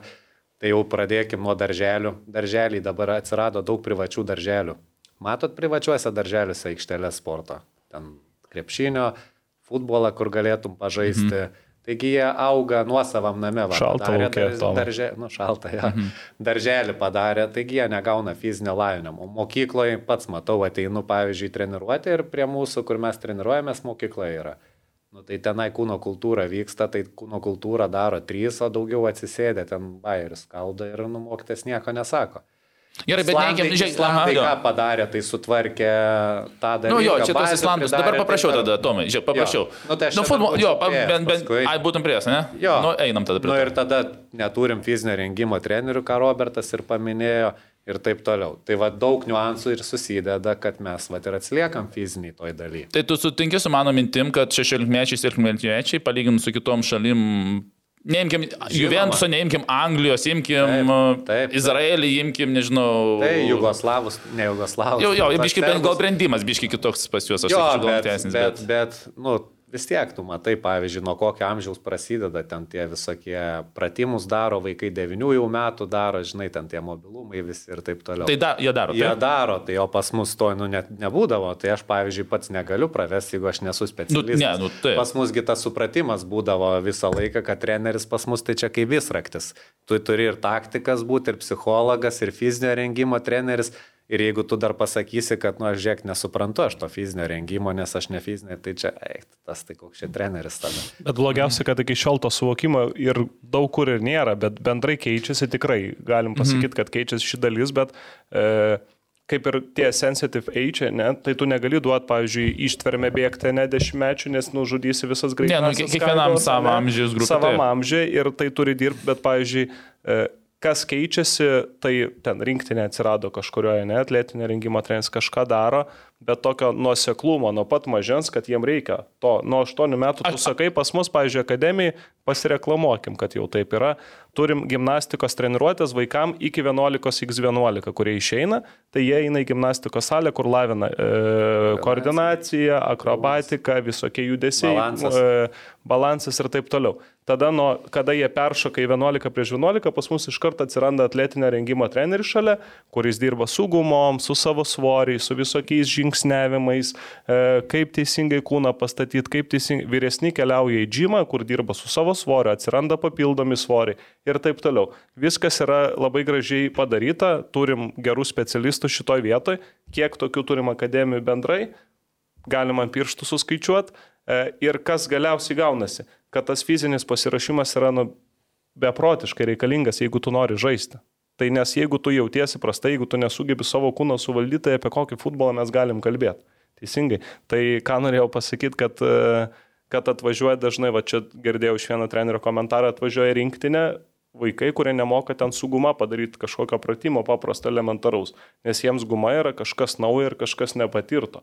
Nors visam pasaulyje tų guma jau atsirado prieš N metų.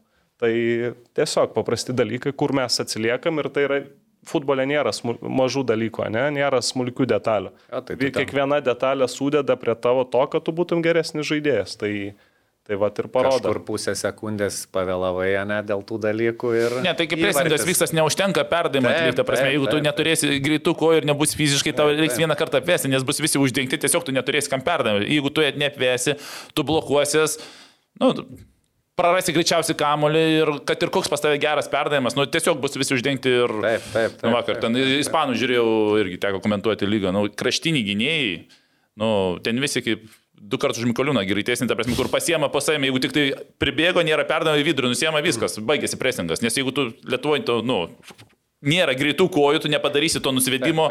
Ties presingų sustos ir sakys, ačiū viso gero, tad ieškom kito, kokios serbo su galingom kojom. Šitoje vietoje dar, dar už labai gerą mintį iš atletinio trenerio, e, atletinio rengimo trenerio gavau, kad toks trūksta treniruotumo Lietuvoje. Kas yra treniruotumas? Mes, tarkim, žaidžiam sezoną, e, pavyzdžiui, nuo e, kovo mėnesio iki birželio, tarkim. Žaidžiam tą laiką, tada paleidžia vaikus dažnai vasaros atostogom, ten du mėnesius kažkur. Tai kaip būtų vaizdingai, tai tarkim vaikas keliauja, jo forma kyla, kyla, kyla, tada ateina iki čia ir jį paleidžia. Tai tarkim, jeigu mes įsivaizduokim paauglys, 13-14 metų, du mėnesius nesportuoja, kur jo yra forma, vėl atkeliauja žemyn, jam prasideda antras ratas tų rungtynių arba pirmas, nesvarbu. Jis vėl keliauja bam, bam, bam, bam, bam, atkeliauja ir jį vėl paleidžia kažkur belenkur e, sportuoti ir jo forma vėl leidžia žemyn. Ir tada nėra to tokio aukštin kopimo, yra tik tais pam, pam, pam, pam. Ir tu kažkur ten svirduliuoji ir galiausiai tau reikia važiuoti kokią nors rinktinę, rinktinę o tu būni ten po trijų savaičių atostogų. Tai ką mes vat, kalbam pas save viduje, kad to treniruotumo ir tos motivacijos, kaip jie išlaikyta, nebaigė sezonas, pas mus nėra atostogų, vasarą turim dvi savaitės atostogų, žiemą turim trys. E, paleidžiam dvi savaitės atostogų, grįžtam, tada turim sugalvoti, kokį turnyrą nuvažiuoti, nes vaikų motivacija lygiai taip pat svarbi, nes jie turi žinot, kam ruoštis. Jeigu tu atvažiuoji ir tau čempionatas po trijų mėnesių, tai tu neužmotivuosi vaiko, "Ai, ruoškis tik atruoštis, nes kažkada žaisim. Tai sugalvoju, susidėlioju kalendorių, kada bus geras turnyras, Ispanija, e, kada bus Vadgotija Cup ir taip toliau, kur tu nuvažiuosi ir tas vaikas auga. Tuo metu tu matai jų treniruotumą. Mes pradėjom čempionatą, vėl nereikia čia girtis, nei kažkaip e, atrodyt, kad kažkaip darom kitaip, bet atvažiuoja kai kurios komandos, matosi, kad po gerų atostogų. Tu matai, kad 16 minučių treneris liepia presinguoti, o po tų 16 minučių 74 minutės jie nebegali pabėgti. Nu tai apie ką mes kalbame? Ko, ko, kokia yra fizinė jų, e, kaip jie gali fiziškai žaistas rungtynės. Tai va čia ir yra atsakymas į visą tai, kad mes turim daugiau skirdėmėsio, profesionaliau į tai žiūrėti ir atsiminti to sensitive age, kada ką daryti ir kiek kam ko reikia. Nu ir planuot galiausiai, ne? Nu čia Anderlechtas išmokina jau. Dar irgi geras dalykas, užsiminėt ar ne ir dabar apie turnyrus užsienyje, prieš tai irgi kalbėjom, kad gerai yra pamatyti ir save palyginti su tom užsienio komandom, gaut malku, bet turėti ar ne kur kilt, kur tobulėt. Tai nežinau kiek, bet mano akim žiūrint taip šiek tiek iš šono, Tai dabar tų tarptautinių rungtynių turnyrų visokių tikrai labai daug atrodo, ypatingai lyginant, kas buvo prieš keletą metų, tai atrodo didžioji dalis tų akademijų ar ne, važiuoja kažkur žaidžia, čia Lietuvoje atsiranda daugiau, jau nekalbu apie ateitis kap, kuris čia eilę metų vyksta, bet atsiranda ir kitų tarptautinių turnyrų ar ne, tai kiek galbūt šitas keičiasi į gerą. Tikrai, tikrai yra žymiai gerokai daugiau važiuojančių ir va dabar, pavyzdžiui, yra viena akademija Portugalijai Mes patys važiuosim į Ispaniją e, lapkričio mėnesį į gerą turnyrą ir tos esminis dalykas, ką mes turim suprasti, kad mes norim gauti gerą varžovą. Gerą lygį, kad vaikai pamatytų, kad vaikai turėtų kur stieptis, kad mes gautume gerą, gerą konkurencingą kovą ir tada po to visi auga. Tiek treneriai, tiek žaidėjai ir, ir bendrai, bendrai lygis. Tai šiuo metu tikrai tai keičiasi į, į gerą. Ar tikrai visos važiuoja? Ar tikrai labai daug važiuojančių, ypatingai tolimesnį tą užsienį, ne Latviją, Lenkiją. Tai nemanau, kad labai daug, bet e, bendrai tas e, teigiami pokyčiai tikrai yra. Tikrai taip. Okay. ne, iš tikrųjų. Nėra ką kartuot, gerai Robertas pasakė. Ir tie turnyrai reikalingi yra. Pavyzdžiui, teko patiems dalyvauti Ispanijoje pernai metais, nu, žaidėm su elitiniais jų klubais. Atletico Bilbao, Valencija buvo, Barcelonos, tai Lamasija, ta tikroji, nes dažnai maišom, čia yra Barcelona Academy, pavyzdžiui, toks dalykas. Škola Varšava. Jo, tai tenai yra franšizė, iš tikrųjų nėra ta tikroji Barcelona Lamasija. Tai va, Ispanijoje buvom turnyrė, tai matėm tą tikrąją Lamasiją, kaip jie žaidžia. Tai vaikams žiauriai naudinga, pavyzdžiui, Lietuvoje, sakykime, jeigu tu nu, stiprus esi, tam savo amžiuje, savo lygyje žaidai ir dažnai, nu, komandos ginas prieš tave tempo negauni, gynėjai tokie, nu, žiūrovais kartais patampa, žiūri, kaip ten polėjai viską daro. Nuvykus į Ispaniją, tu gauni visai kitą tempą, ten vieną sekundę takavai, o ten antrą jau bėga varžovai ir džiaugiasi tau įkalę įvartį. Tai pavyzdžiui, kaip pavyzdį labai geras rungtynės turėjom Ispaną, čia tokį lektorių turėjom, buvom pasikvietę per futbolo trenerį ir per juos išvažiavam, tai stebėjo mūsų rungtynės ir iš tikrųjų labai geras rungtynės turėjom su ispanais, bet likus gal 15 minučių pralaimėjom, nes net laikėm tempo tiesiog. Vaikai nepratę prie tokio tempo žaisti, o ispanai sako, mes nu, kiekvieną savaitgalį žaidžiam tokiam tempė. Mm. Tai ką jisai pasakė, kad sako, na jeigu jūs žaistumėt pastovi tokiam tempė, tai vaikai, nu, visai kitam lygiui žaistų. Bet čia, žinai, tas pats ir Tas pats ir vyrų futbole pas mus, ar ne, kai ateina europinės kovos. Taip. Mes irgi kiekvienais metais šnekam apie tą patį, kad Taip. Lietuvos čempionate, ar ne, vis tiek tas tempas yra mažesnis ir išvažiavę į Europą susidurėm su, su to, sakykime, aukštesnio lygio komandom, kurios tokios, tokios svarbos, tokio lygio rungtynę žaidžia kiekvieną savaitgalį. Bet čia vat kalbėjom su, pagal, apie tą intensyvumą su Ienu, bus ir konferencijų jisai, bet Haiduko dabar Head of Performance, tai su juo kalbėjom, įmanoma paruošti, sako. Bet aišku, yra bėda, kai tu negauni varžovo tokio lygio, tai tada tu turi kompensuoti treniruotėse e, tą tokį tempą, intensyvumą, kurį tikiesi gauti, e, kurį tikiesi gauti tose rungtynėse. Yragi dabar ir e, širdies polarai, yra GPS, kur tu gali išreikalauti to lygą, nes yra rodikliai, kokiu, kokiu lygmeniu žaidžia e, klubai čempionų lygai. Atrodo, ne kartais čempionų lygai, nu, kuo ten skiriasi nuo Europos lygos? Nu, gali pasirodyti. Bet rodikli, rodikliais tu matai, kad žaidėjas turi mažiau, pavyzdžiui, laiką priimti sprendimą, gerokai mažiau čempionų lygai negu Europos lygai. Tai visa tai yra, mes galim tuo naudotis, kiek mes naudojamės Lietuvoje, gal to nereikia, mes žaidžiam konferencijoje be, be tų dalykų visų. Ir čia yra toks retorinis klausimas, bet faktas, kad mes turim žengti kojo kojant su visom naujovėm ir prisitaikyti, nes kitaip e, tokių sėkmių kaip šiemet žalgerio gali ir nepasikartot. Tai va, o dėl tų grįžtant prie turnyro ir to lygio, tai kas užkryto vieną, vieną tokią mintį, tai nuvažiavę pamatėm, kad prie jaunimo komandos dirba aštuoni treneriai. Aštuonių trenerių štabas ir nėra, kad jie dėl grožio pastatyti, kad keturi aptarinėja, du sėdi žiūri ir vienas vadovauja. Visi žiū, turi savo funkcijas. Ir vat, ko, ko Lietuvoje apskritai nėra, tų tokių didelių štabų, didelių uh, didelių trenerių komandų, kurios turėtų savo atsakomybės, kas už ką atsakingi. Kaip Lietuvoje ir... pagrindas turbūt prie vienos amžiaus grupės du treneriai, ar ne? Vienas, du. Geriausiu atveju. Du, du ge, geriausiu atveju. Dažniausiai. Bet iš esmės mes kalbame apie tą dėmesį vaikam. Tai vienas atletinio rengimo, kitas vartininkų, trečias analitikas, ketvirtas vyr treneris, penktas uh, asistentas, šeštas žiūri GPS-us, septintas dar kažką. Ir taip, taip mes tas kiekvienas vaikas gauna tą, tą dėmesį, kiekvienas vaikas gauna detalės ir kas va čia svarbiausia, kuo daugiau žmonių, tuo labiau gali koncentruotis į savo darbą. Ir tada tu gali varyti tas detalės, ieškoti ir taip tobulėti. O kai vienas esi, kaip Tomas sakė, vystraktis, tai ar įmanoma visur spėti? Nu, neįmanoma, tai būkim, būkim tokie, bet teisingi. Ką, gerai, e, irgi užsiminėt apie futbolo konferenciją, kurią organizuojat. Tai jau trečius metus šiemet vyks, ar ne? Gruodžio pirmą dieną, trečioji futbolo, pirmą dieną gruodžio. Taip, taip. E, trečioji futbolo konferencija. Tai trumpai papasakokit, kas... Ne, galbūt pradėkim nuo to, kaip pirmus dviejus metus aš tiesą sakant nedalyvavau. Ja, kaip sugalvojot, man va? Jo. Kodėl sugalvojot ir kaip sugalvojot? Jo. Nuo idėjos ir tikrųjų, rezumė tai pirmų dviejų metų. Kalbėjom daug minčių, vat, kalbam visą laiką, pats vat, klausai arūną kažką, mas tai iš tikrųjų idėja tai tokia gal kilo, kad nu, nėra to Lietuvoje praktiškai. Turbūt ir nebuvo tuo metu, ne, kai, kai mintis kilo visas. Buvo viena konferencija, LFF. jo. Jie vadino taip konferenciją pagrindinį savo organą, ta kur renka Ai. viską. Ne, nu čia tas skaitinis, čia jo, juokauju, bet tai taip. Jo, bet iš tikrųjų to švietimo žiauriai trūksta Lietuvos futbole, treneriam, iš tikrųjų treneriai tai aš manau pagrindinis dalykas ir dabar, kai skaitom, e, nu, kaip blogai futbole Lietuvos, dažniausiai sako, trenerių nėra. Oi, atsiprašau.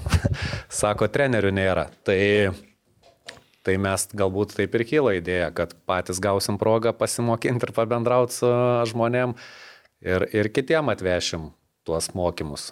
Tai va, čia gal tokia ir buvo pagrindinė mintis. Ir į pirmą konferenciją sunku buvo sukviesti, nes vis dėlto pirmas kartas Mano, mano, Tokia bendrai, visiška naujovė. Mano bendra svajonė buvo tokį renginį kažkokį užkurt, bet kur, kur buvo mintis bendrai mūsų, kad mes turim parodyti, kad, Lietuvo, kad bendrai futbolas yra gerokai aukštesnio lygio šiaip pasaulyje žaidimas, negu jis yra priimamas pas mus Lietuvoje.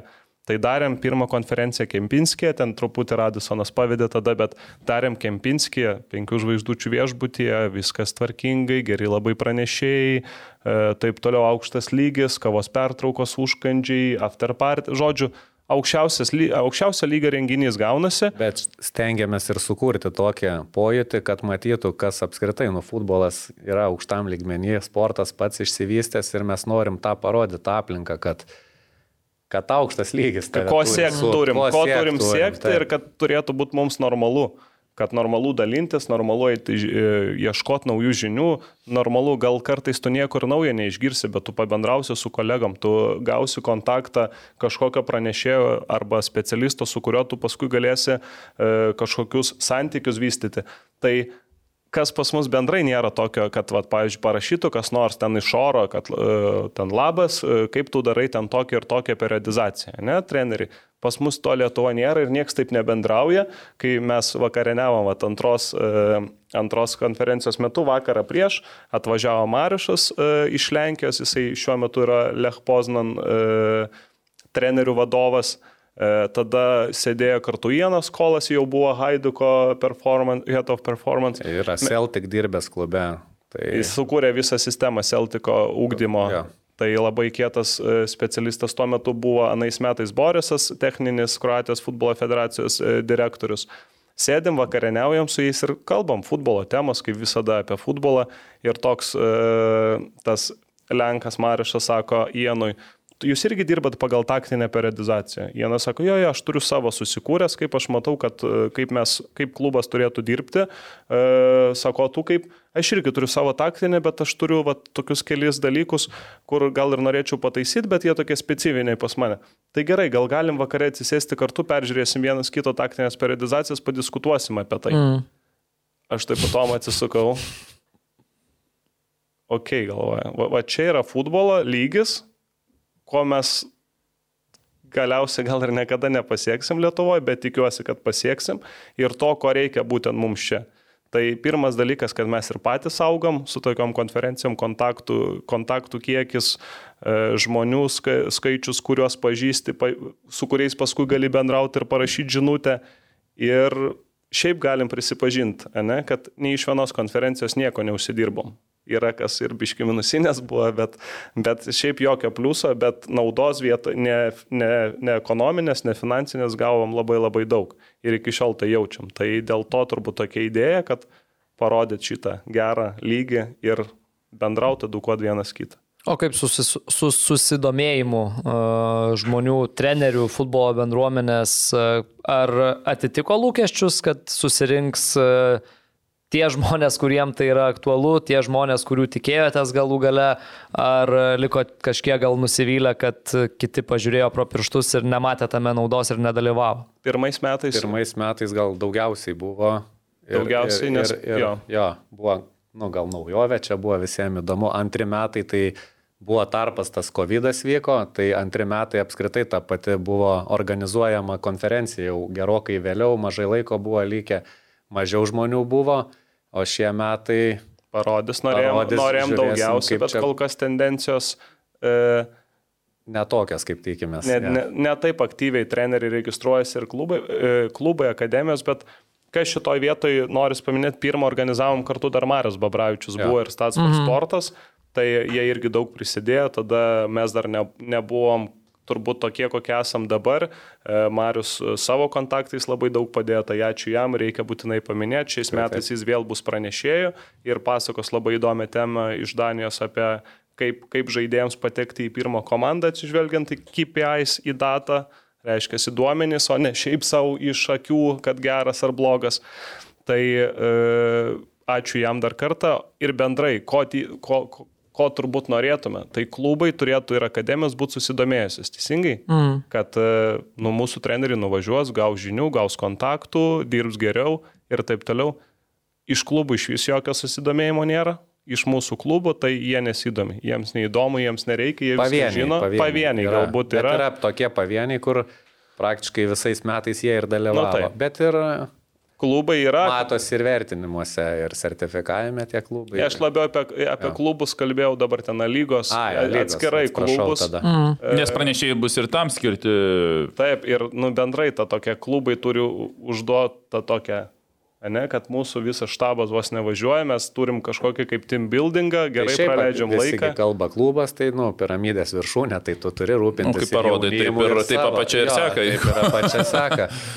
Taip, tada iš akademijų yra, buvo anais metais ir pirmais metais nemažai susidomėjimo, tikrai suvažiavo žmonių, kas keista, kad labai dažnai treneriai patys perkasi teigiamai keista, nors turėtų būti iš, iš įstaigos kažkoks mm. postumis, ne, ir apmokėti treneriui šiuo metu jau šiek tiek pabrango 69 eurai, a, tarkim, nuvažiuoja 10 specialistų, tai tu sumokė Lietuvoje 700 e, eurų, ar tai yra daug e, edukavimui, Aš manau, kad ne, bet Lietuvoje... Bilietų skrydžio gal... nereikia pirkti. Jo, nieko, viskas vietoje, Vilniuje viskas... vietoje. Taip, tai vad, Tomas kažką norėtų čia irgi šitoj temoje pridurti apie akademijas, ne? Ne, ne, ne, aš sakiau, kad akademijos, kad yra kai kurios, kur tendencingai dalyvauja. Tai čia gal apie tai. Man buvo praeitais metais klausimas atėjo, nepamenu, kuris iš pranešėjo, priejo ir taip sako, o kur visa federacija, kur sako e, jaunimo rinktinių treneriai, kur, kur visi žmonės.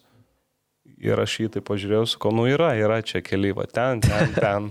Tai kur atrodo, kad yra normalus dalykas, kad turėtų būti vos ne visi, bet pas mus kažkodėl yra kažkokie. Gal kažkas mūsų nemėgsta ir žiūri asmeniškai, bet kas įdomu, tokioje vietoje pralaimi. Ar mes pralaimim, kad jie netvyksta, ar jie pralaimi, kad jie to negauna. Mums iš esmės kaip ir kažkurie penki ar dešimt net važiuos dėl to, kad ant mūsų pyksta, nu mums neskauda dėl to. Ir mes... Nu, nu ne jūsgi pranešėjai būsite, ne? Taip, ne, mes, ne, Ne, su mumis sėdėti nereikia visą laiką ir kalbėti, žinai. Ne, gal stengiasi, kad neuždirbtume. Nes visą laiką po renginio klausimus, na tai čia pasidarė. Ta, Nu dabar jeigu sužinau, kad neuždirbat, gal ir atvažiuos. Yeah. neuždirbat. Arba padarys, kad visai neuždirbtume nieko. Tai trumpai dar galite pristatyti, kas šiemet laukia konferencijoje, kiek pranešėjų, kas galbūt garsiausi vardai, a, kas jums patiems galbūt, ko patys galbūt labiausiai laukiat, ar ne, iš tų, kas atvyks. Aš tai to užkryto dabar. Šalies. Davidsonas. Mhm, Dana. Tai bendrai manau, kad šiemet geriausia bus konferencija, kuri buvo, nes šį pakaitalą. Geriausi pranešėjai, taip? Visada gali geriau. Bendrai toks jaučiu, kad pagal lygį, pagal tokį atitaikymą Temas. bus temas, toks bus labai labai geras lygis, tai bus septyni pranešėjai iš viso. Tai bus e, Lenkas tas pats, kuris buvo nais metais e, Marius Šrumok, jisai iš e, Lech Poznan Head of Coaching, tai trenerių, trenerių vadovas ir, ir jo tema bus apie kaip svarbu trenerių kokybė, treniruočio procesai ir žaidėjų tobulėjimai. Tai vad, ką mes kalbėjom realiai visą šiandien laiką, tai bus paliestai. Tada bus Marius Babravičius, kuris apie jaunimo integravimą į pagrindinę komandą pagal atsižvelgiant į datą, tai yra į duomenis. Tai labai faina, kad Marius sutiko pasidalinti. Tada trečias bus Ienas, kuris buvo nais metais Haidukas, Head, of Performance, labai labai labai geras specialistas, Celtic, ką sukūrė, e, nu, bendrai su juo bendraujantis yra profesionalumo topų topas. Šiaip paminėk, ant kiek paprasti žmonės yra. Jie tokias pareigas užima, pas mus Lietuvoje yra toksai, nori kažko paklausti ir nedrįsti, nes tai, na, ne kaip pažiūrės arba neatsakys tau, o čia ateini tokie žmonės atvažiuoja, kur sakytų, nu kas tu čia toks esi, bet ant tiek paprasti dalinasi viskuo tas Latienas, tai, nu, kosmosas.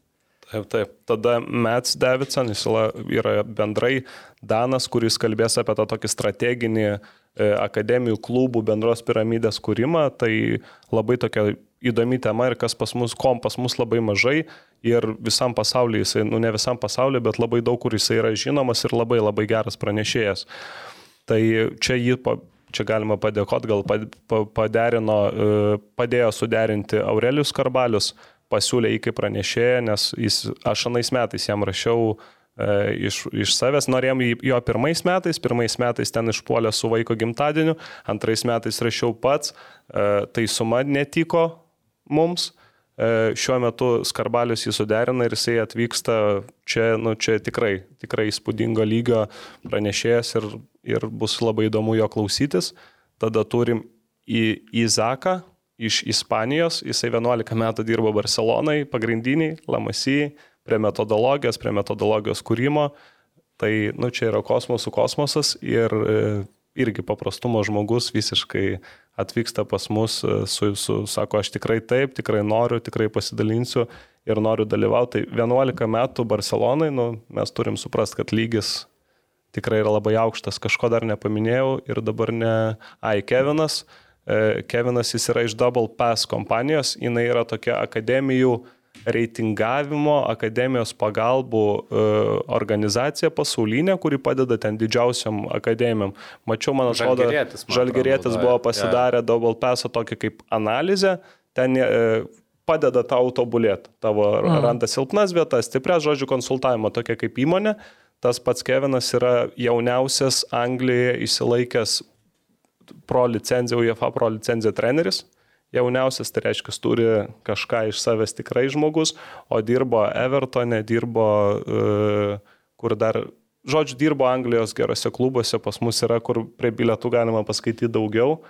Ir šeštas dar kažkas, ar jau šešis pasakiau. Dabar galvoju. Neskaičiau ir aš. Ita, it- italai dar. Italai GPX bus, bus, bus labai geras žmogų. serija A serija A e, klubo atletinio rengimo treneris bus ir dar vatarūnai prie progos turėsime išvakarėse su jais tokį workshopą, e, kur kviečiam atletinio rengimo trenerius nemokamai, e, bus dar Kristian toks Oznach.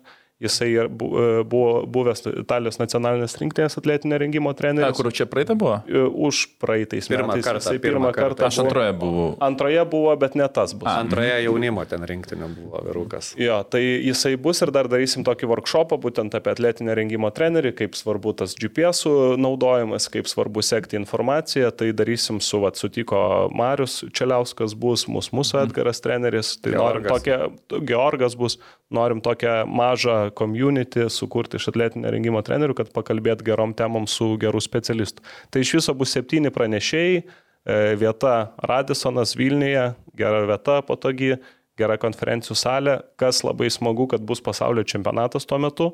Tai po, iškart po konferencijos 5 val. visi kartu toj pačioj salėje žiūrėsime su gaiviais gėrimais e, Belgiją, Kroatiją. Aš nedalyvau, bet esu girdėjęs apie afterparčius. Ir, ir galiausiai after, pa- prie, po konferencijos bus ne afterpartis, o tokia kaip pratesimo dalis pasibendraut. E, Mūsų remia gubernija, tai gubernija pasirūpins, kad mes turėtume kaip ten būt toliau. Tada, e, ir tada vakarinė dalis bus, e, vakarinė dalis bus e, after party Sky bare, kur bus visi pranešėjai, partneriai, kviestiniai svečiai, galima nusipirkti biletą, ko nepakviečiam, arba kas pyksta ant mūsų. Ir e, Samarina tokie, šiaip labai faini remėjai visi, kurie iš esmės nėra kažkokie š, š, žmonės, kurie tiesiog, kurie mes skambinam daugiausiai, o jie maždaug patys visi. Norim jūs, Samarina, tokia yra te, e, logistikos kompanija, kur atėjo, sako, nu, žiauriai noriu, kad treneriai būtų geresni Lietuvoje. Nes Norim vaikas prisi-. Vaikas sportuoja. Mhm. Norim prisidėti prie jūsų. E, Gubernija sako, negalim ten duoti finansiškai, bet galim duoti ten gėrimų, vandens, viso kito, kad jums tik būtų faina, kuo, kuo geresnį renginį turėti. Tada GPX tie patys. E, Vilniaus regiono futbolo sąjunga atėjo šiam, e, Davidas Šemberas, sako, nu, mes negalim neprisidėti, kai Vilniuje vyksta tokie dalykai, tokios konferencijos, mes irgi su jumis. Nu, tai žodžiu, žmonės ne iš, ne iš oro, bet smagu, kad visi visi nori ir, ir tiki tokiais renginiais, kovat pasigendam, kaip Tomas sakė, tokio aktyvumo iš trenerių, gal kažkas laukia, kaip pas mus mėgsta paskutinės akimirkos. Labai mėgsta šitą.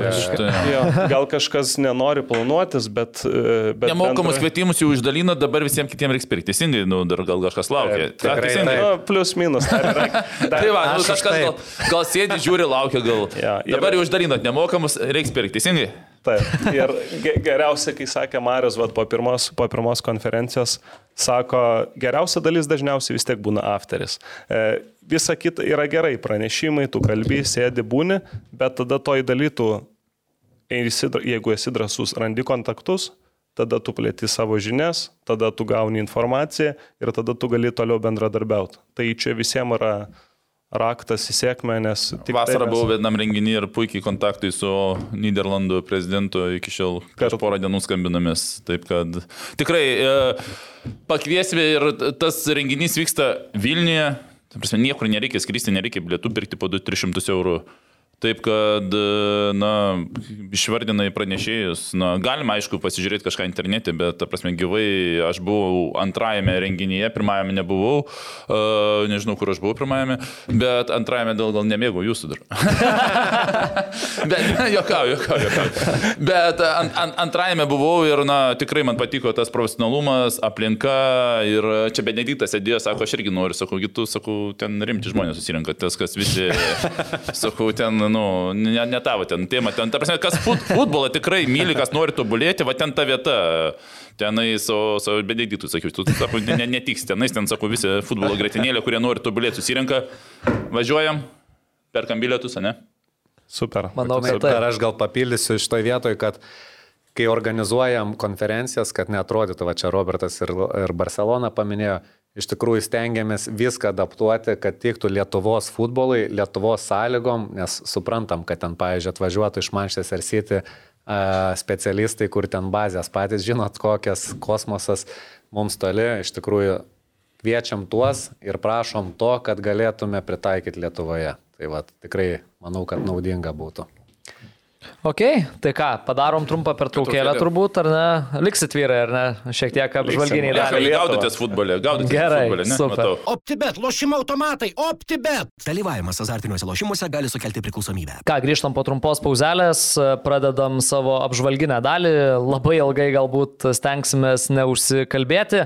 A, Visų pirma, turbūt prieš pereinant prie OptiBeta lygos, pakalbėsim apie dar vieną solidų Vilniaus Žalgirio pasirodymą UEFA Europos konferencijų lygoje. Išvykoje lygiosios 2-2 su Šveicarijos Grandų Bazeliu. Taškas, kuris leidžia išsaugoti Vilniaus Žalgiriui viltis žengti į kitą etapą. Ką manot, vyručiai, apie rungtynes? Gal pradėkim nuo svečių. Ir apskritai, e, ne tik apie šias rungtynes, bet apie visą galbūt žalgerio kelią kol kas, ar ne? kelią Iš tikrųjų džiugina, kadangi čia mes pirmą kartą ir mes šnekam, tai čia jūs turbūt su kitais gal kalbėjote apie tai. Iš tikrųjų smagu žiūrėti, kad komanda žaidžia futbolą. Tai dažniausiai mes žinom, kai būna atsistojam, ginamės, gal pagausim ant kontros. Čia pilna situacijų, kai galim pelnyti įvartį. Žiūri rungtynės, pavyzdžiui, žaidėm su tuo pačiu Lodogorets, kur Vilniuje taip jau nesėkmingai pasibaigė, iš tikrųjų žiūrėjom ir tikėjom, kad gali. Ne tai, kad būna, ai gal čia praslys netyčia ar kažką, bet tu matai, kad tikrai gali vyrukai ir buvo žiauriai apmaudu, nes aš net manau, gal jie net ir geresni buvo tuose rungtynėse. Tai tas labai labai labai džiugina ir matosi ir žmonės pradeda kalbėti jau apie futbolą, ar matai žalgeris, draugai kalbina, kalba, ten vienas turiu draugą, nu kur visai futbolu tikrai nesidomi, kaip dar būna žmona, net mano sako, sako, kai pasaulio čempionatas vyks, tai yra žiūrėsi, nes žinot, ta moteris nežiūri čempionatus, o čia draugas nei tų čempionatų nežiūri nieko, bet ten matai, kas ten daros, ten žalgeris kažkur išėjo, jis man. Ir, ir paskui kažkada kalbam, žiūrėjau rungtynės, sako, žinok, visai patiko, žaidžia kažką, jau tie ten tą futbolą. Tai va, tai iš tikrųjų džiugina tas, aš manau, kelia ir susidomėjimą, kadangi aš, nu, mes per vaikų prizmę žiūrim vaikų akademiją, matau, kad ir vaikai susidomėję, pavyzdžiui, baigiam treniruotę, po treniruotės vaikas apsirengė žalgerio maikutę, šaliką, kaip fanas iškeliavo, tai turbūt ir fanai auga per tokius dalykus, tai Lietuvos futbolui tokių dalykų reikia. Tai džiugu, apie patį žaidimą gėda truputį su bazeliu negaliu daug pakomentuoti, nes mačiau tik vieną kėlinį pirmą ir nemačiau abiejų tų įvarčių, tai gal Robertas, nežinau, kaip jisai ten žiūrėjo daugiau pakomentuoti, gal galėtų. Bet čia lygiosios su Bazeliu, tai turim suprasti, kad čia yra labai didelis įvykis. E, Išvykoji Pelnytos lygos. pelnytos Jo, jo. lygiosios su prieš tokią komandą, tai reiškia, e, reikia pagirti trenerių štabą, nes namų darbus pasidaro prieš kiekvienas rungtynės ir, ir nu, tikrai, tikrai smagu matyti tokį žalgerį ir žaidžiantį, kaip Tomas minėjo. E, faina, kad pavyksta įmušti ir tokius sėkmingus įvarčius, koks buvo pirmas, kur įbėgo, kaip tik mes gavom, e, kur pats vadovau komandai savo su akademija, tai lygiai tokį patį tik mes gavom, kur vartininkas nes, nes, nespėjo išmušti, tai toks dežavų jausmas buvo, bet bendrai nu, labai smagu, kad šitoje vietoje gavom tašką ir dabar viskas yra kaip ir mūsų kojose, Lietuvos visos, nes čia, man atrodo, visa Lietuva turi sirgti už tokius įvykius. Tai, tai tiek.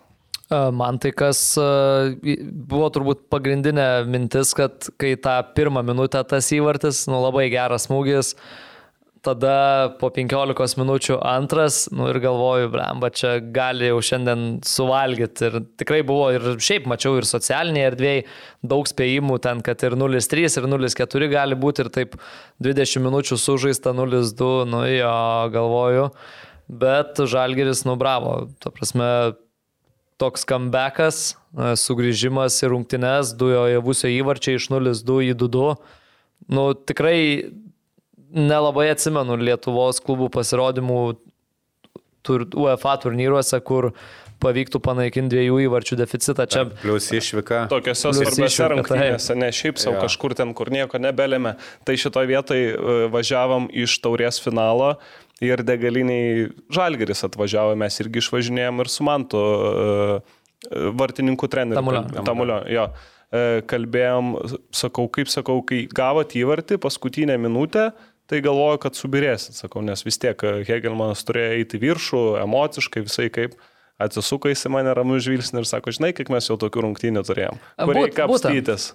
Mes sako, mūsų čia jau, čia nėra, kad mes čia sugrūvom, pamiršom, pasilaidojom ir viskas važiuojam namo, tai vat, ką, ką minėjai, kad būtent, būtent to ir reikėjo turbūt, ne, kad gavom du, bet nieko tai ne, nekeičia, žaidžiam savo žaidimą, keliaujam toliau ir, ir, ir pasiekia labai svarbia, svar, svarbias lygėsias ir vieną tašką. Taurės ketvirtfinalis, tada rungtynės, va dabar su Hegelmanais jau ne OptiBet, e, ne, ne, ne LFF taurėje, o OptiBet lygoje. Čia irgi tai, nu, iš ties įspūdingai, kaip komanda sugeba atsitiesti ir, ir sužaisti iki galo. Turbūt jau tas atsiranda nugalėtojų mentalitetas, turbūt ir pasitikėjimas savo jėgom ir, ir matyt dabar visi šansai paskutinėse rungtynėse kažką dar labiau istoriško nuveikti. Bet čia vat, prieš tos Hegelmanus tos pačius jau lygos rungtynės, kur auksinės tos rungtynės buvo, Taip. Tai labai, labai gerai jautėsi toks jausmas, kad jie ten gavo pirmąjį įvartį e, ir jautėsi, kad viskas gerai, ramu, viskas gerai, ištrauksim, jokių problemų nėra. Tai va čia, kad nedegam, nepanikuojam, ramiai užbaigiam ir galėjo dar sumušti ne vieną įvartį ir, ir dar greičiau pabaigtas rungtynės. Tai va tas tikrai mentalitetas yra ir, ir džiugu, kad, kad atsirado. Ir džiugu, kad e, tas, tos lygiosios atveža tas rungtynės lemiamas į ja. Vilnių, nes pripažinkime, kad prie nesėkmingo rezultato na, būtų paskutinės rungtynės grupė ir e, tokio gal ir ažotažo. Šaltą lapkričio vakarą, pustuščiam stadioną. O dabar e, turbūt e, šitas ir, ir, ir kiti visi tie veiksmai, kaip ir jūs sakėt, kad na, pagal žaidimą niekas ten nenusileido, nors ten žinome biudžetus, mėgstam neskaičiuoti, taip kad jie statistiniai duomenys, duomenys labai panašus ir aš dar turbūt labai didelį pliusą, turbūt vienas iš pagrindinių, turbūt pliusą užrašysiu trenerių štabui, na, konkrečiai čia Burinui, nes e, esmė, kad pertraukos metu įvykęs e, taktinis persistumdymas, aš manau, visiškai pakeitė tą pirmą kėlinį, kur tikrai turėjo Bazelis daug momentų į antrą. O kas įvyko, tai įvyko labai paprastas dalykas, jeigu Žalgiris pradėjo e, rungtynės 4-4-2, kai Renanas ir Matijas Ojavusi žaidė realiai Jei tai pažiūrėsi, centro, kaip čia, gynėjas, jie dviese pasiemė visą laiką būdavo su, su gynėjais. Gynėjai už nugaros, du, du polėjai, vienas auga. Nu, dažnai kaip aukšto lygio gynėjai, nu, kaip tu žinai, mano šitas, mano šitas ir dar turim už nugaros pasaugojimą. Ir tu ten labai neprisikaitaliosi, nu gali ten tą daryti tradicinį tą vaikų, kur daro, ne, apsikeiti vietom, bet gynėjai perleidžia ir vėl pasilieka zonose. Jo, bet kaip, ir gynėjams čia yra labai paprasta, nes kaip 3-2 stovi prie tavęs, tu tiesiog, žinai, va, čia mano žmogus, už nugaros dar saugo, viskas tvarkoj. Ir, ir tikrai sukūrė daug momentų. O antrajame kilinyje Goropcovas atsidūrė, pradėjo žaisti taip. 4-1, 4-1. Tai Goropcovas nusileido prie arčiau centro gynėjų ir jeigu pažiūrėsit, jeigu žiūrėjot pirmas kokias ten penkias minutės, kur labai uh, matosi, kad Goropcovas kaip uh, bazelis kontroliuoja kamuolį, jis žiūri ne į kamuolį, o jis vis atsisuka atgal, pažiūri, ar nėra laisvų zonų, ar nėra polėjo. Ta prasme, jis nežiūri, kad ten prieki kažkas čia bus, kažkas senelė loš, jis tik tai visą laiką dairosi atgal per petį, ar reikia gynėjams padėti. Ta anksčiau jisai jau daręs yra, Vilniui pasivyant, kaip nusileido nusileisdavo. Kai žaisdavo, penkto gynėjai. Nusileisdavo. nusileisdavo jis dabar nenusileisdavo, bet visą laiką per petį žiūrėdavo, na, ar reikia pagalbos. Ir, O priekyje Renanas nusileido į, į centro, arčiau centro saugų ir vienas liko Vusis, kuris ten tiesiog zonas turėjo ir tada jau tu kaip žinai, kad polėjo kitoje pusėje nėra, tu gali, nu, kur nori bėgioti iš principo ir tada gynėjams tu truputį sumaišai, nes, nu, vieną dieną, vieną, vieną dieną, sakau, vieną minutę tu vienoje pusėje, kitą dieną kitą minutę kitoje pusėje ir va tai va persistumdymai nu, ir tą pakeitė rungtynio eigą ir be tų visų nuopilnų visai komandai. Ai, dar pagirsim, tada dar lietuvius pagirsim jo. Uh, ypač Kažukolovą. Na, manau, kad turi visų šansų, neturi visų šansų. Aš manau, kad debutuos rinktinėje. Privalo būti. Privalo debutuoti. Ne, ne, ne, ne, ne iškviestas, o turi sužaisti. Žaist. Žaisti. Taip, taip. De, debutuoti. Nu, debutuoti ne kaip iškvietimas, bet debutuoti su minutėmis, būtent Baltijos taurėse. Mes tų gynėjų, nu šiaip tikrai nėra, kad labai mes didžių kiekius e, turėtumėm jų pasirinkimo, todėl jau sužaidęs, taip, patirtis bendrai dar nėra didelė, nes, nu, tos... Nu, pirmas vyrų sezonas vyrų futbolo. Jeigu Taip. treneris duoda pasitikėjimą Taip, taip, taip. rungtynėse, nu, Tikrai tai aš taip. manau, kad kažką turi vaikinas. A, Tikrai taip ir tikrai ir duomenys turi ir nenustoti tobulėti. A, Gertmanas irgi geras rungtynės, nes tikrai, na, pripažinkim, kad ne jisai būtų žymiai daugiau Ir įvarčių. ne Ir, vienose rungtynėse šiaip buvau nustebintas, kai čia paskutinėse rungtynėse į pagrindą neėjo. rinktinė. Tai va, aš irgi manau, kad Nes, bus... nu, dabar tokiam Bang. lygiai žaidžia, į grupių išėjo istorinis pasiekimas. Visi gyrė, saugo, visi mato, kaip ir... Tai aš manau, kad su. Islandais šios abu futbolininkus mes pamatysime pagrindinėje sudėtyje. A, Ką galvojat apie Ojavusi? Du įvarčiai. Ir rezultatyvus? Čia kalbėjom, kaip tik Nes atidavė rezultatyvų prie pirmam at- atlušę ir tas įmušė iš bazelio. Ai. Jo, jo. Darė skersą, Taip, taip, nepataikė. A, Ne, bet šiaip, Ojavusis, a, du įvarčiai vėl gražiausiamis savo savybėmis, gražiausiamis savo spalvomis sublizgėjo vėl tos greičio savybės, galų gale užbaigimas. Mes čia sezono pradžioje ir juokavom, ir juokėmės, kaip iš Gusto Jaruševičiaus atimė įvartį, juokėmės, kaip neišnaudoja progų, bet dabar tai yra žaidėjas, nu, kuris a, spindi ir Taip, taip. buvo tarptų keturių geriausių turo žaidėjų. UEFA svetainėje buvo galima balsuoti, rinkti žaidėją kaip geriausią savaitės futbolininką konferencijų lygoje. Tai man atrodo, čia gali būti dar viena sėkminga istorija, kaip Lietuvos klubas pagaliau vėl kažką parduoda į aukštesnį lygį. Jo, mes kaip tik ir su kolegom kabinete kalbėjom, kad matyt greitai dings šitas virukas, jeigu ir toliau taip tęs. Kažkaip transferis. dar prisimenėm riteriuose, dabar pamiršau pavardę, irgi buvo tas greitas. Mofi. Mofis. Mofis. Jo, Mofis. tai va panašus gal kelias laukia. Tai Šito- vienas iš Šiaip variantų. iš tikrųjų nemažai žalgerio žaidėjų gali išvykti po sezono ir turbūt, kad ir išvyks, aš taip spėčiau, nes tikrai gerus sezonus žaidžia ir tas pats e, užkrito man pavardė, kairiai labiau žaidžia krašte. Kemery, Ne, ne, ne, ne. ne. tas kitas. e, Bapesų gynėjas. Pagrindinis, pagrindinis žaidėjas. Gynėjas. Orega. Orega, orega, orega. Tai aš manau, Bet jis biški vyresnis jau. Tai va čia amžius gali, gali kilti, bet kas liečia tokį atsiskleidimą žaidėjų, vėl reiktų pliusą trenerių štabui rašyti, kad jie sudaro tokias sąlygas, kur atsiskleidžia žaidėjai. Truputį gal gaila, kad tų lietuvių trūksta, bet mes suprantam, kad jau žalgeris turi žaisti Europoje ir visam kitam rezultatui. Ir vat e, mūsų gynėjo pavyzdžių, lietuvio pasitikėjimo prasme, mes visi žinom, kad tai yra runai. Tu tikrai žinai, kad e, pozicija aikštėje yra labai labai atsakinga, kur pasirodė. Ne? Ro, pala, Rokas vardas, ne? ar ne Rokas? Kipras. Kipras. Kipras Kažukovas. Kipras pasirodė, tai čia yra nu, labai atsakinga pozicija ir kur reikia labai daug pasitikėjimo ir, ir, ir e, koncentracijos visų rungtynių metu. Tai labai gerai, kad gavo tokį pasitikėjimą. Ir smagu, kad vat, auga ir užsieniečiai tokiam žalgiriui ir tai gali būti vėlgi finansinė nauda pačiam klubui. Tai Jo. va, įdomu dėl žiemos, ką mes įdomu. kontraktai. Ką praėjusiam podcast'e kalbėjom. Tai va, ir įdomu, ta prasme, jeigu laimi lieki ir laisvas neišvažiuoja, jeigu pralašė, išvažiuoja laisvas. Nu, jeigu pasibaiginėja kontraktai, ta prasme, Taip, bet taip, taip. e, toksai įdomus dalykas, aišku, yra žalgiris, aš manau, kad irgi suinteresuotas kažkiek uždirbti pinigų, sakykime, tai kad ir tu išeini, tai ne faktas, kad tu neišvažiuosi iš klubo, nu, už pinigus, ta prasme, tai komanda išėjusi iš grupės, futbolininkai faktas, jie rinkos vertę pasikėlė ir jie kainuoja, ta prasme, nu aišku, visi kiti klubai nori, visą laiką čia nemokamai čia yra tas. Taip, taip. Tas jausmas yra, bet e, futbolininkas kainuoja pinigus ir aš manau, kad tikrai, netgi tuo atveju kažkas liktų, aš manau, kad žiemą tikrai sulauktumėm transfero už pinigus, galbūt ir ne vieno. Mm. A, ir čia tašką Žalgeris pasiemė, kitose grupės rungtynėse Bratislavos Slovanas 2-1 įveikė Piuniką ir paliko to šansų Žalgiriui. Tai kitą savaitę, ar ne? Taip. Rungtynės su Ketvirtadienį. šį ketvirtadienį. Taip. Okay. Na, tai šį ketvirtadienį su tuo pačiu Bratislavos Slovanu laukia. Pilnas stadionas, rašiau va dabar dėl bilietų kaip tik.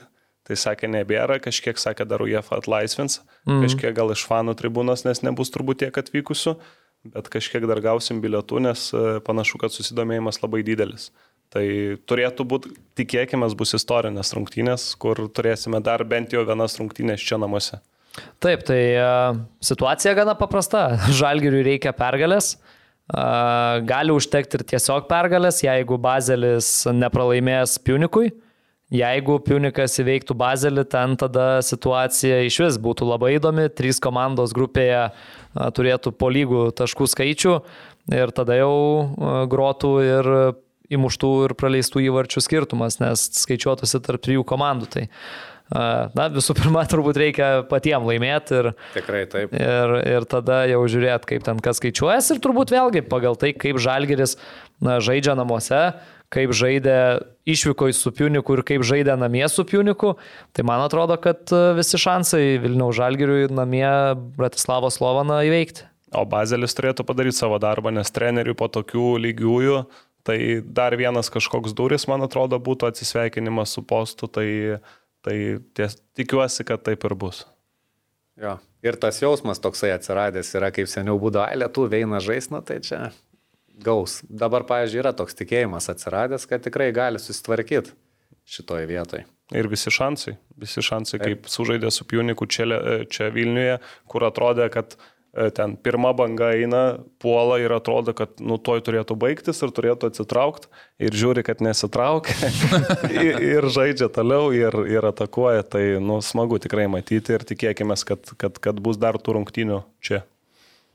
Tai jeigu dar atsirastų bilietų, griebkite juos, pirkit ir užpildykit stadioną, ten jau turbūt kas yra buvę, puikiai žino, kokia atmosfera būna per Europinės naktis Vilniuje LFF stadione, tai tikrai verta. Ir ką ir kalbėjo va kolegos, kad ką gali žinot, gal tai bus dar vienas istorinis vakaras ir pirmą kartą turėsim ne tik komandą grupio etape, bet gal ir, gal ir playoffuose. Bet jeigu bilietų nėra į žalgirį, yra konferencija, inkonferencija yra bilietų, teisingai?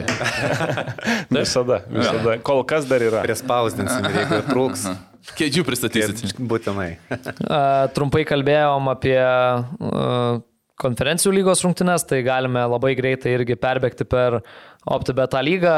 Gaunam šiek tiek ir nusiskundimų, kad gal pastaruoju metu per mažai dėmesio tam skiriam, bet uh, visada stengiamės žiūrėti tai, kas yra aktualiausia šiuo metu. Uh, vis tiek. Uh, ir diena turi 24 valandas. Nesikeičia.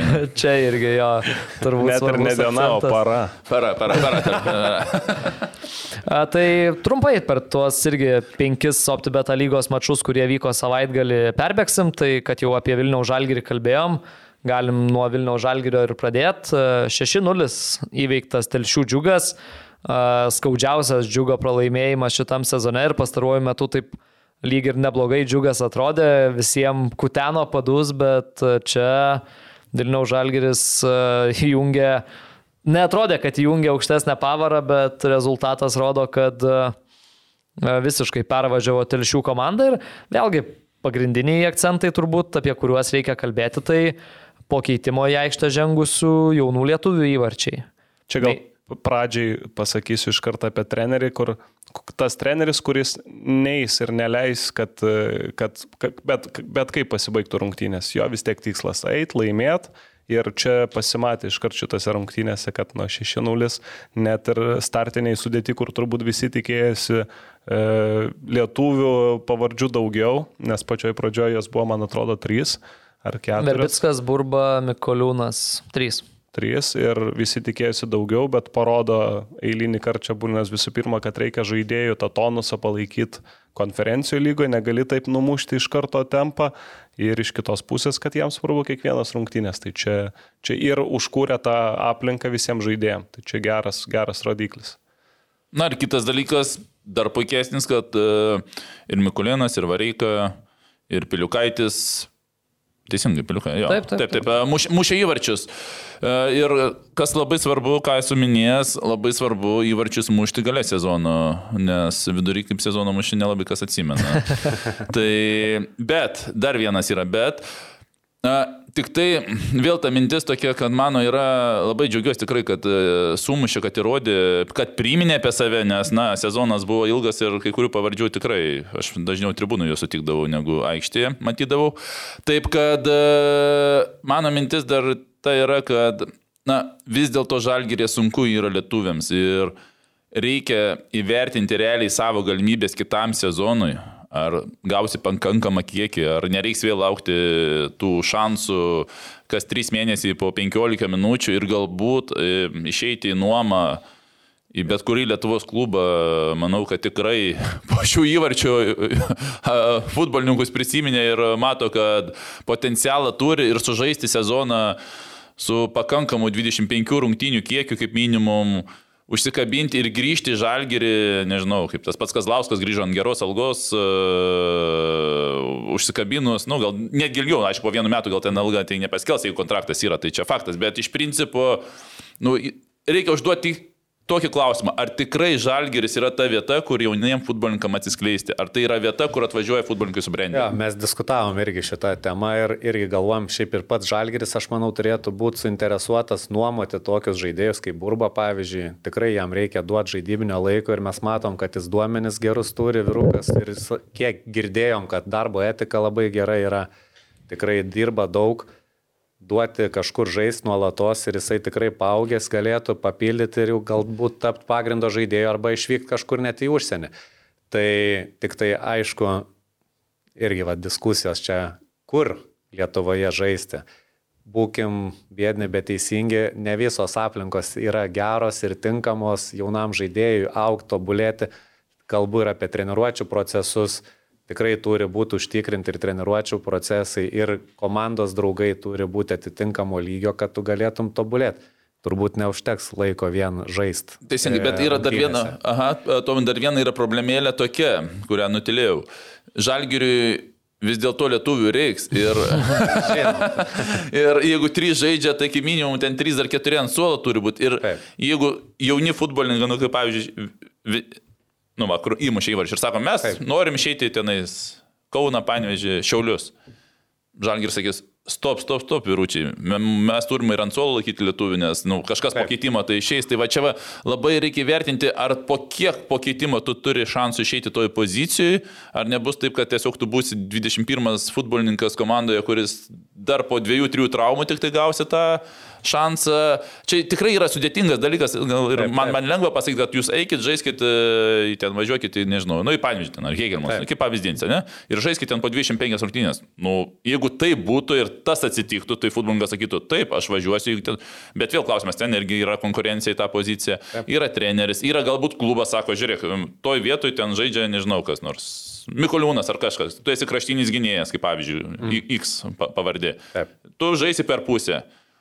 Nu ir tu pasilieki, bet galbūt tas Mikoliūnas vėl kaip toliau žaidžia taip netraumuotas ir tu vėl sėdi, ta prasme. Čia yra labai tikrai daug niuansų, bet ta prasme tas rizikas reikia jas įvertinti ir, ir sakykime, ne, neužsidėti gal ten karūnas po tų įvarčių dabar ir viskas, dabar jau kitais sezonais mes po dešimt mušim visi.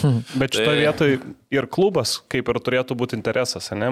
Turim žaidėją jauną, turim su juo kontraktą, mūsų tikslas, kad jis būtų geresnis, kad jį parduotume galiausiai. Turbūt toks. Nu, tai jeigu toks, mes turim jauną, ir mes dabar jį laikom, kada jo geriausias amžius, kada jis turi daugiausiai minučių žaisti, mes jį laikom ant suolo vien dėl to, dėl statistikos, tai gal tada reiktų pasižiūrėti tų vyresnių žaidėjų. Nu, taip, taip, taip, kurie... Tada, kurie, kurie gal ir sutiks net su tokiom pareigom. Mm, taip, taip vadinamam, kad, aš, kad aš ateisiu, aš gal ir nebūsiu pagrindinis žaidėjas, aš čia gal, sėdėsiu, bet gal išsikovosiu, o jaunas tegul važiuoja, bet čia, vat, ką norėjau pasakyti, gal Žalgeris turi ir kurt kažkokį klubą šalia, ne kurt, bet e, investuoti kažkokį klubą mhm. ir žaidėją, kur kurtų tas sąlygas ir kur būtų toks kaip e, pereinamas klubas į jaunimą. Iš tikrųjų, nes jeigu tu turi talentą, gabumų, nu tau reikia žaisti. Be žaidimo, tai vad pats arūnai kažkada kamuolius padavinėjau, o tu žaidėjai. Tai mhm e, nebūtum gavęs žaisti, gal nu niekur nebūtum išvažiavęs. Ekranas, man atrodo, tada negeriausius laikus išgyveno, kiek pamenu, ne? Jau buvo Euro, jauni... atėjau į Europą, jo, pirmą kartą, man atrodo, nepateko, aš atsimenu. Jo, ir ten, galvos, nes aš atsimenu, žiūrėdavau, dar, vat, irgi kultūra, futbolo, viskas, atsimenu, žiūrėdavau Egidijus Majus, man atrodo, Jo, ir tu, aha. tai Ir būdavo. Banevičius dar būdavo kartais, bet Jo, kur- nu, žiūrėdavai, kur- ko dabar vat, net ir trūksta Lietuvoje, kad vaikai stebėtų tokius vat, Jo, ir žaidėjus. dar vieną aš pasakysiu, mano pirmo trenerio mintį irgi, trenerių žiūri linkėjimai. Tai, sako, Arūnai, gal ir sakęs esu, bet sako, jeigu tu dabar 17 metų ateitum, sakai. paneveži toks, kur buvai, Nežaistum. sako, tu tu labai toli nuo komandos būtum, sako. Jo. Tai aš dar pripažįstu tą faktą, kad aplinka, Sukrito. perėjimas iš e, jaunimo futbolo į vaikų jis tapo sunkesnis. Nes sunkas, sunkesnis dėl to tapo, kad anksčiau būdavo ten kas, du legionieriai būdavo ir aš ateidavau konkuruodavau su lietuviu, kuris jau būdavo pagyvenęs. Pa- Nu, jaunimas ateina, jis dažniausiai konkuruoja, bet kur Atlantas, bet kokia komanda Žalgir, kuris jau e, jaunesnė ateina, konkuruoja su vyresniu, kuris, sakykime, išeidinėja jau. Taip. O dabar ką padaro komandos, nu, bet toks pasaulis.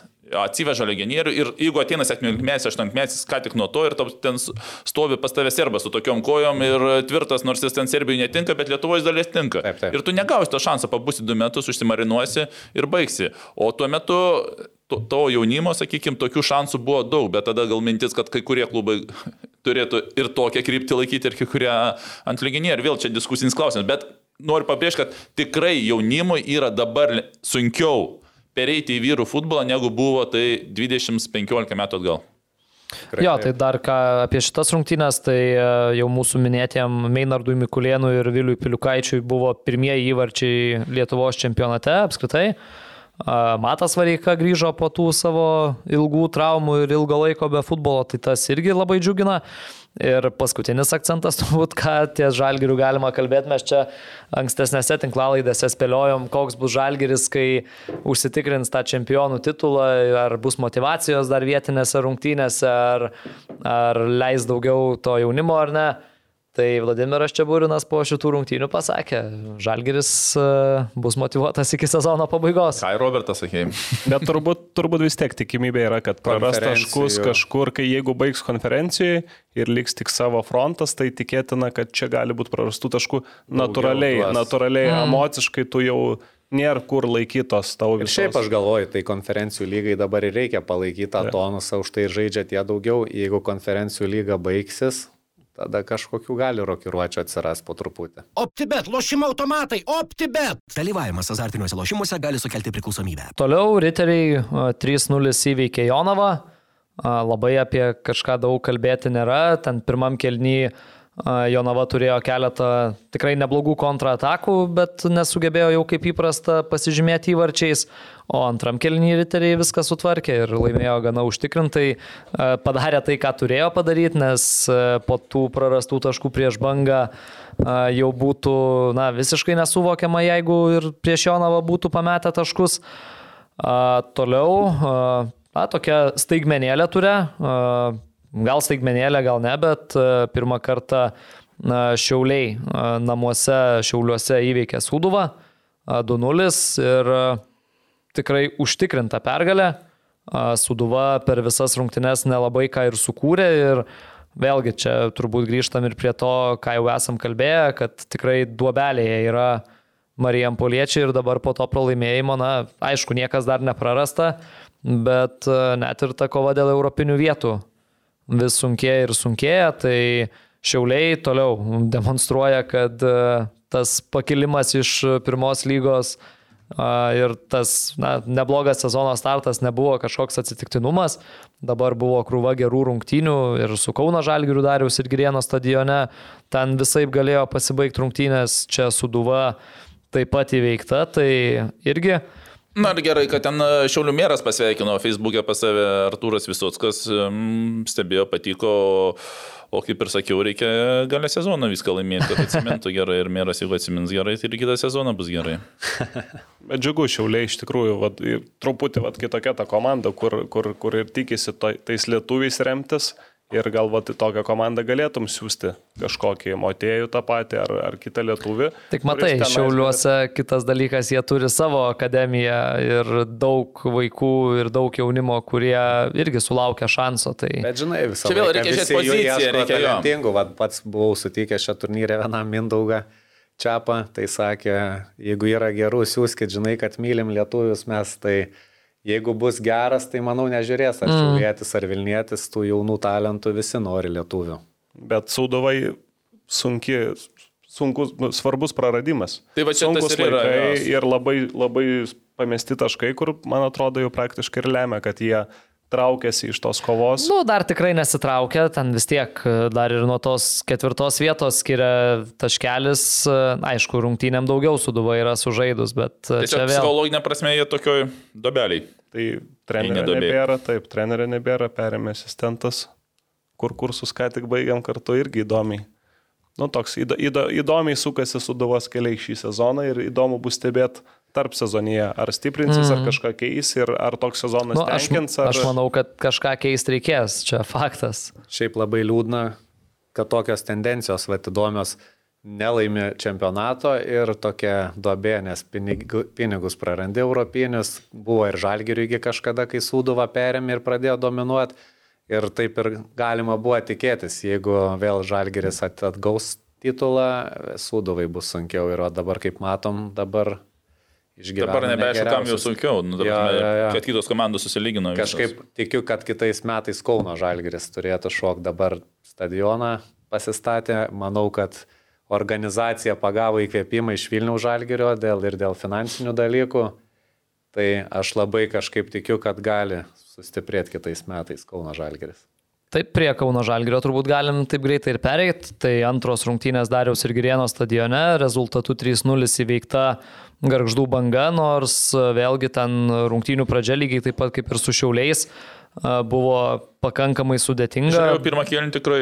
Jo, Banga labai neblogai su Ryteriais mačiau stadione buvau taip, kad banga tikrai galim pagirti. Nėra taip, kad užsidarom gynyboje ir bandom su dviem išėjimais įmušti vieną įvartį. Jo, tai pirmam kelinį vėl Antonas Fase e, mušė įvartį, šiaip e, labai stipriai pataikė Kauno Žalgiris su šituo legionierium. E, 14 rungtynių OptiBeta lygoje greitas, jau labai 8 įvarčiai, e, du rezultatyvūs perdavimai, įvartis dar ir taurės turnyre, tai kaip arūnai sakai, muša įvarčius irgi ir sezono gale, tai a, tikrai Parduosit. Labai svarbu žaidėjas, šiaip jo, yra kontraktas ir iki kito sezono pabaigos. A, ir paskui po pirmo kelnio 1-0, o antram kelnį tai jau galėjo Kauna Žalgris ten tų įvarčių primušti ir daugiau nei, nei primušė. Davidas Afonso, kalbėjom po rungtynių, sako, mes nebeturėjom kur traukti, sako, a, nusprendėm pir, po pirmo kelnio, kad rizikuosim. Tai jie metėsi šiek tiek daugiau į ataką, pradėjo žaisti tokį atviresnį futbolą, kuriuo Kauno Žalgiris pasinaudojo ir vėliau dar du įvarčiai, tai Mohamedas Baliuly po ilgokos pertraukos mušė įvartį, e, ten vos prasidėjus antram kelniui. A, Tada rungtynių pabaigoje savo pirmą įvartį Filipas Šelnekeris, legionierius iš, Trausti- iš Austrijos, irgi pelnė. Atskiro paminėjimo turbūt vertas Egidijus Vaitkūnas nuo linijos kamolį ištraukė po garždų bangos atakos ir išsaugojo sausus vartus. Tai pelnyta irgi Kauno Žalgirio pergalė, kaip jau sakiau, galėjo būti ir didesnis rezultatas. Ką dar galima paminėti, tai garždų bangos aistruolių nemažai atvažiavo. Stadioną pažiūrėti. Šiaip, tu turbūt, nes šitam sezone ne- nelabai kur turbūt tokiais kiekiais važiavo garždų bangos gerbėjai, bet man atrodo, čia irgi Geras dalykas, Geras dalykas, nes Taip, taip, taip. tu gali tada ir savo bendruomenę kur, ta prasme, kad va, važiuojam į išvyką palaikyti komandą. Ir lygiai taip pat ir Šiauliai praėjusią savaitę atvažiavo fanų nemaža grupelė. Tai toks traukos objektas. Tai iš tos pusės tikrai, tikrai smagu. Norėjau klausti, ar kažkiek jaučiasi Kauno Žalgerio lankomumas, kiek išaugo. Tai labai, labai ženkliai jaučiasi. Tai antras rungtynės iš eilės, man atrodo, tokie pusiau kaip ir lankomumo rekordai. Nu, pirmose tikrai ten pusantro tūkstančio, bet kaip ir sakiau, ten galėjo būti net ir daugiau. Šitose apie 700 buvo. Gerokai mažiau, aišku, negu pirmose, bet bent patys kiek galbūt irgi pagalvojom, kur gali būti priežastis. Aišku, kažkas eina tik tai pažiūrėti stadioną. Kita priežastis, aišku, pirmose rungtynėse realiai beveik visa futbolo akademija buvo. Ta prasme, vaikams visiems buvo duoti nemokami kvietimai. teveliai turėjo pirkti bilietus, tai iš esmės vien kiek vaikų yra akademijoje. Tai čia ką ir aną kartą kalbėjom su Tadu, kad ne visi galbūt taps futbolininkais, bet čia auginies ir faną tuo pačiu. Taip, taip. Tai šį savaitgalį realiai didžioji dalis akademijos komandų pačios turėjo rungtynės. Tai iš esmės ten gal tik kelios grupės akademijos vaikų atvyko, bet vis tiek jų buvo. Kitas dalykas, turbūt dabar labai gerai viskas pasimatys kitą savaitgalį.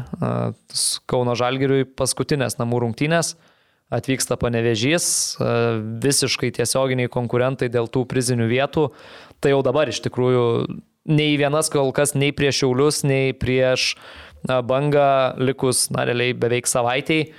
A, Nebuvo dar tiek bilietų parduotų, kiek jau dabar yra. Tai toks biškis susidomėjimas jaučiasi. Plus, aišku, tie, kas ateina dabar pamatė ir gerus rezultatus, dvi pergalės.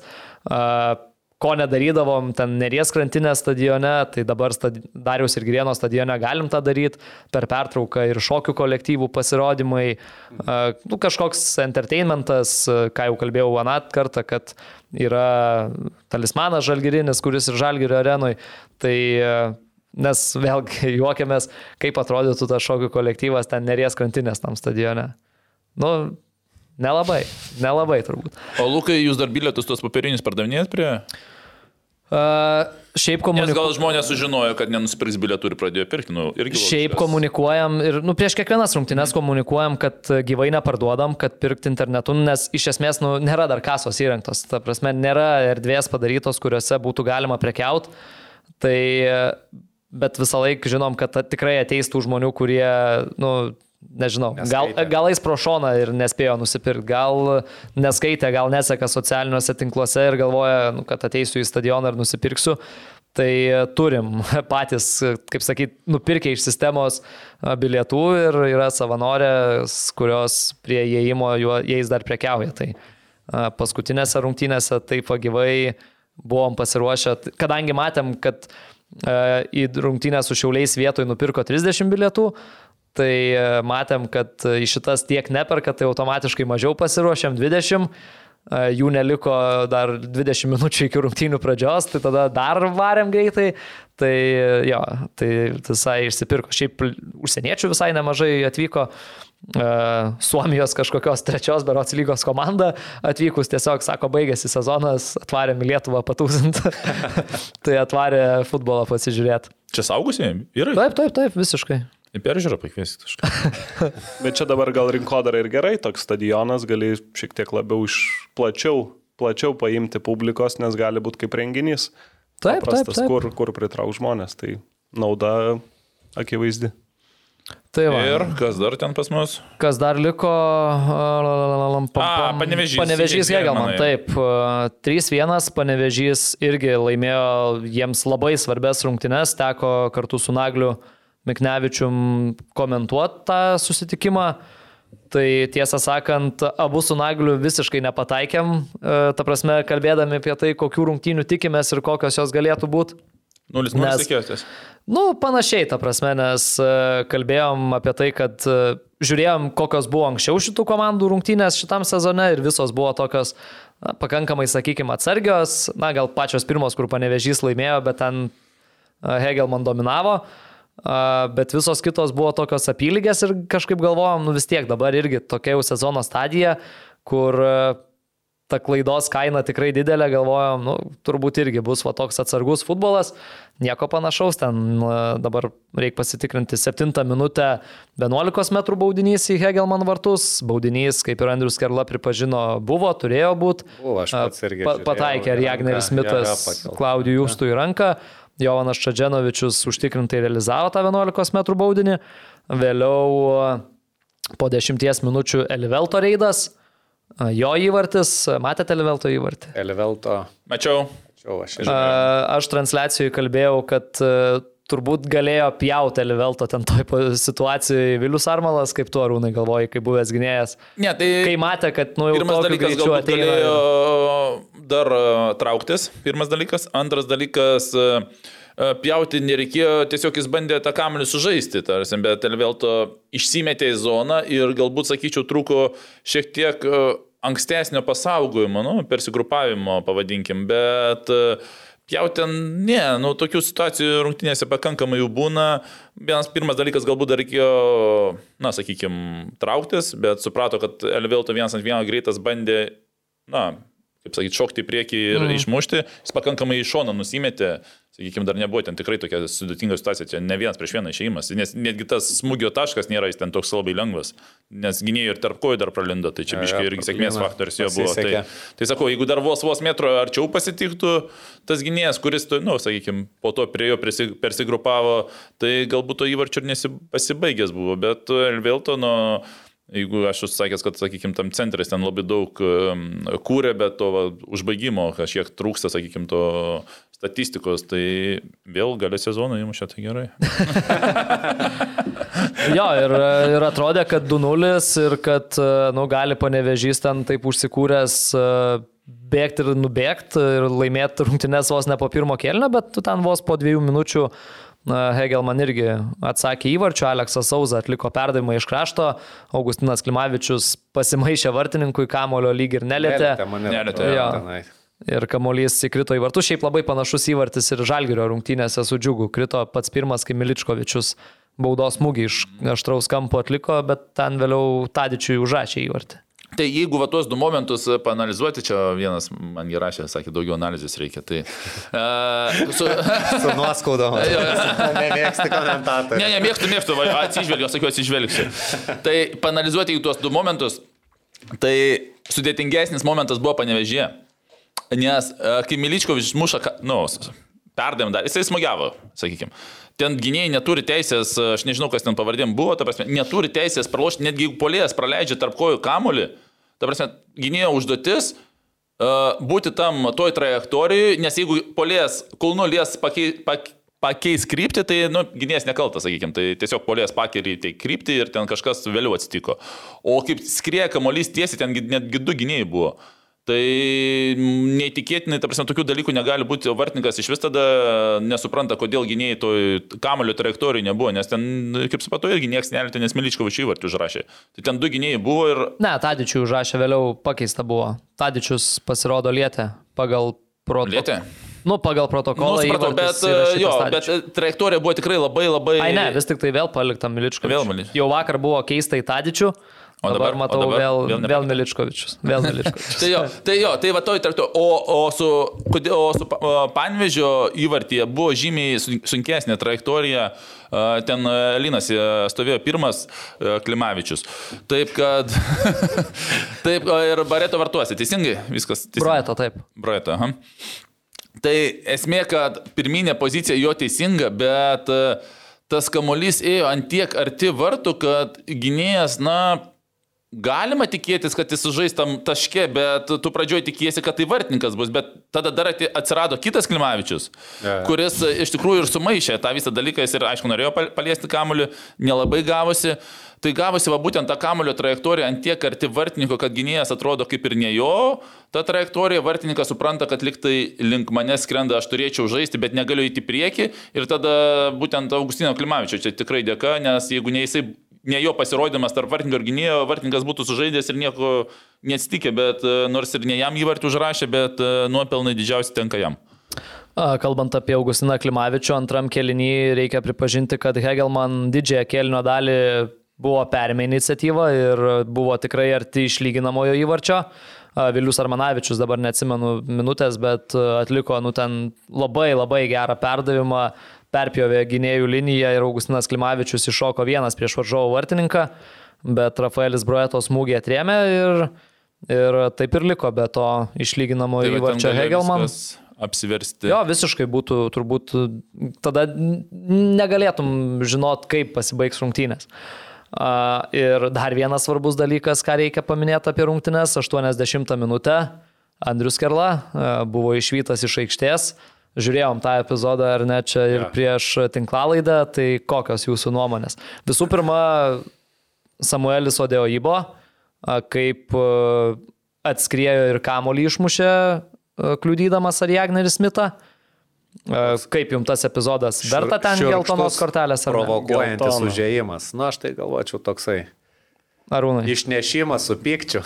A, labai teisingai, jo, per va. kamuolį į kūną. Taip, taip. taip. Teisingai. O aš dar e, yra toksai dalykas kaip netgi teisėjų statas. Taip, kad aš e, dabar pasakysiu, prie kurių teisėjų geriau mažiau praža- pražangų arba tikėtis geltonų kortelių. Tai daugiausiai pražangų per rungtynės e, švilpė Manfredas Lukiančiukas 307, Orestas Abramavičius 304, šia vidurkis per rungtynės 304, Robertas Mitas 30, Simenas 30, Kestutis Bartuškevičius 29. Bet kas būtent įdomu- Kestutis Bartuškevičius ir teisėjavo. Bet galiu iš karto futbolininkus perspėti, kad kai Kestutis Bartuškevičius teisėjauja, didžiausia tikimybė gauti geltoną, nes vidutiniškai 5,2 e, šis vyras rodo per rungtynės geltonas kortelės futbolininkams, antroje vietoje Smithas 4,7. Šmitas. a, tai cinksink Šmitas, prašau. A, Roberto Abramavičius 4,6, Laukiančiukas 4, Valikonis 4. Taip kad, kai Kestutis Bartuškevičius švilpė, kas ir buvo panevežyje, didelė tikimybė, kad jis pražangas traktuoja ir... A, dar vienas įdomus uh, momentas, kad uh, dar vienas įdomus, uh, uh, kiek pražangų reikia, kad gauti kortelę. Tai šioje vietoje daugiausiai tokių kaputinių duoda Mindaugas Jackus. 18 pražangų ir tik tada kortelė, nes visi kiti eina 9, 9, 8, tai kitų nebeminėsim, bet Mindaugas Jackus duoda vyrams a- anglišką futbolo mėgėjas. Kažkam reikėjo perimti iš Jurijaus Paškovskio tą tokį e, Iš kiek, iš kiek rungtinių statistika, gal vienas ir švilpė tik tais. Tai va čia kitas klausimas nerašo, bet yra, tu- nu, gal ne vienas, bet gali būti, žinok, jo, jo, ta prasme, ne, nerašo rungtinių, tai negaliu atsakyti, bet, nu, statistika. Tai grįžtant prie epizodo, Rūnai, tavo akim, būdamas gynėjų tokioj situacijoje gautum geltoną kortelę ir ryte šaltų protų pažiūrėjęs epizodą, sutiktum, kad tai kortelė ir sakytum, kad nu nesąmonė ir čia kortelės negali būti. Ne, nu, bu- buvo, sutikčiau, bet tik tai ten ketvirta kortelė, ne? Taip, o dėl įvarčio praleidžia. ir jis turės tai turbūt dėl to visos emocijos ir buvo, kad uh, treneriai prieš rungtynės tikrai įspėja futbolininkus, kad pas jūs yra trys ir laukia uh, tie mačai.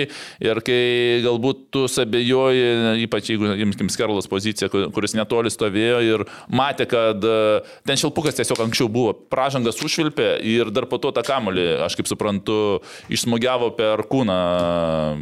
Panvežio žaidėjo. Tai kai Skerlašonė stovėjo ir matė, kad galbūt tą kamalį, nu, išmuša pirmą, po to užvažiuoja ir suprantama, nes nori prarasti svarbaus gynėjo, todėl tos emocijos suprantamos. Ir, o tokie momentai, nu, jie gerai turime apie ką kalbėti.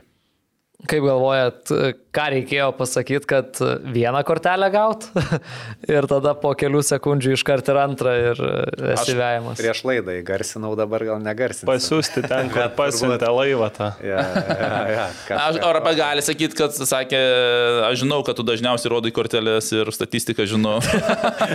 Turėjo, turėjo žaisti, ne? turėjo būti jau tiesioginis įžeidimas ir kad tu, kad tu vadovaujas ir į raudoną, nes kitai, mm. kitais atvejais nemanau, kad kit, kažkaip kitai būtų pasisukę. O šiaip mano akim tai tikrai geltona ir toks įėjimas su intencija grubiai žaisti, tai Nu, Manau, toks, kad- man tai, tai toks provokuojantis, sakau, Taip, tas taip. užėjimas, kur jau tikiesi, kad atsakas paskui gali pareiti iš varžovo.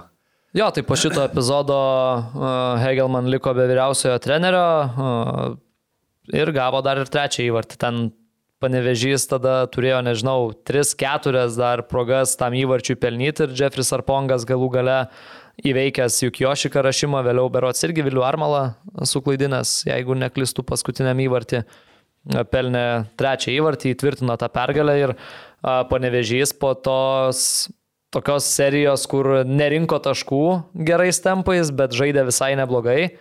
Šį kartą sugebėjo ir tuos tris taškus pasiimti. Ir aš nustebau, kad Sarbongo nebuvo pagrindės šio pakeitimo mhm. ir tas trečias įvartis. Ir Prieš tai dar buvo, su kuo buvo, kur jisai su kurtinė nusimetė. Prieš Suduvą, na, jeigu tikrai tas futbolininkas atvažiavęs, reikėjo laiko Lietuvoje įsivažiuoti, nu tai dabar tikrai vienas įdomiausių futbolininkų tai A lygoje, vienas ant vienas turi CV tą gerą, nu, kur mm. Ajaxai Taip, žaidė. taip, taip, teisingai, taip. jo.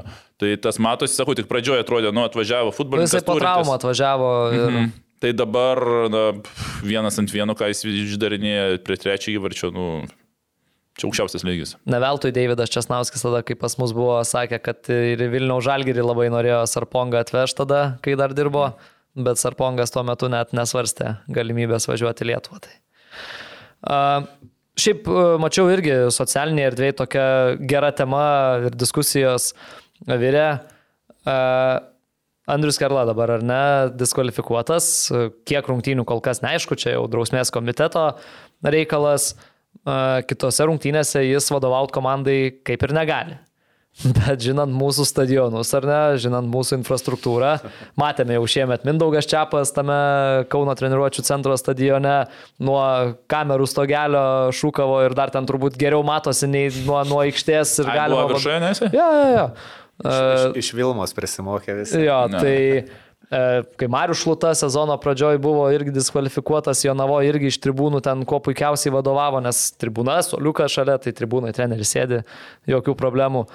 Tai čia faktas Andrius Kerla irgi vadovaus komandai kažkokiu būdu, ar nuo, to, ar nuo tribūnų, ar nuo to bokštelio, ar iš visų užtvaros, kur dar... Tai nuo šios vienas ant dviračio visą laiką stovi, ja, tai... pasistato dviratį užlipas. Ne, tai ten, ten, vieta, ten vieta rezervuota, ten galima nesitaikyti. A, ne? ten, ten rezervuota. Susimuš. Ne, aš, vad klausimas mano, kaip galvojat, ar įmanoma kažkaip, nu, tą, nežinau, sutvarkyti, kad to nebūtų? Tai Nes turbūt reikėtų iš vis teritorijoje neleisti, nu, žinant, kokią infrastruktūrą mm. būti Ap... Nu, bet žinai, va, tarkim, Kauno centras stadionas. Niekada nepridarysi, ne teritorija. Jo, čia iš tikrųjų. Ne, čia sudėtingas klausimas, nu, tiesiog stadionai tokie ir nieko nepadarysi, nu, nu, ką, už tvoros stovės, nu, teritorijų, nu, ne teritorijų, nu. Bet turbūt labai retas, šiaip toks, aišku, paminėjai daug tų atvejų, bet retesnis. Ne, tai taip, čia turbūt, tiesiog aš tai, pamačiau socialiniuose tinkluose, kad tokia, tai tokie klausimai kelia. Jo, bet sąžinė apeliuoja, žinai, sąžinės reikalas šitą. Bet tai, nu. Jekauja. Treneris pavyzdys, kokį pavyzdį auklėtiniams. Tai ką, tiek šį kartą. Ačiū futbolo treneris LT, ačiū Vilniaus futbolas Academy treneriam Tomui Robertui, ačiū Arūnui Klimavičiui. Konferencijoje pasimatysim. Tikrai taip. Būtinai, būtinai ačiū už kvietimą. Gal bilietuką kokį? jau, da, jau davė. Manėlę turim tokią prisiminimą. Va, fantastika. Ačiū, ačiū. ačiū. Tai... Kaip tik žiema. Va, pasišildysit pakaitom ar kaip. tai va, ačiū visiems klausantiem, ačiū žiūrintiem. Su jumis buvo podcastas, susiklausysime kitą savaitę ir iki kitų susitikimų. Iki. iki.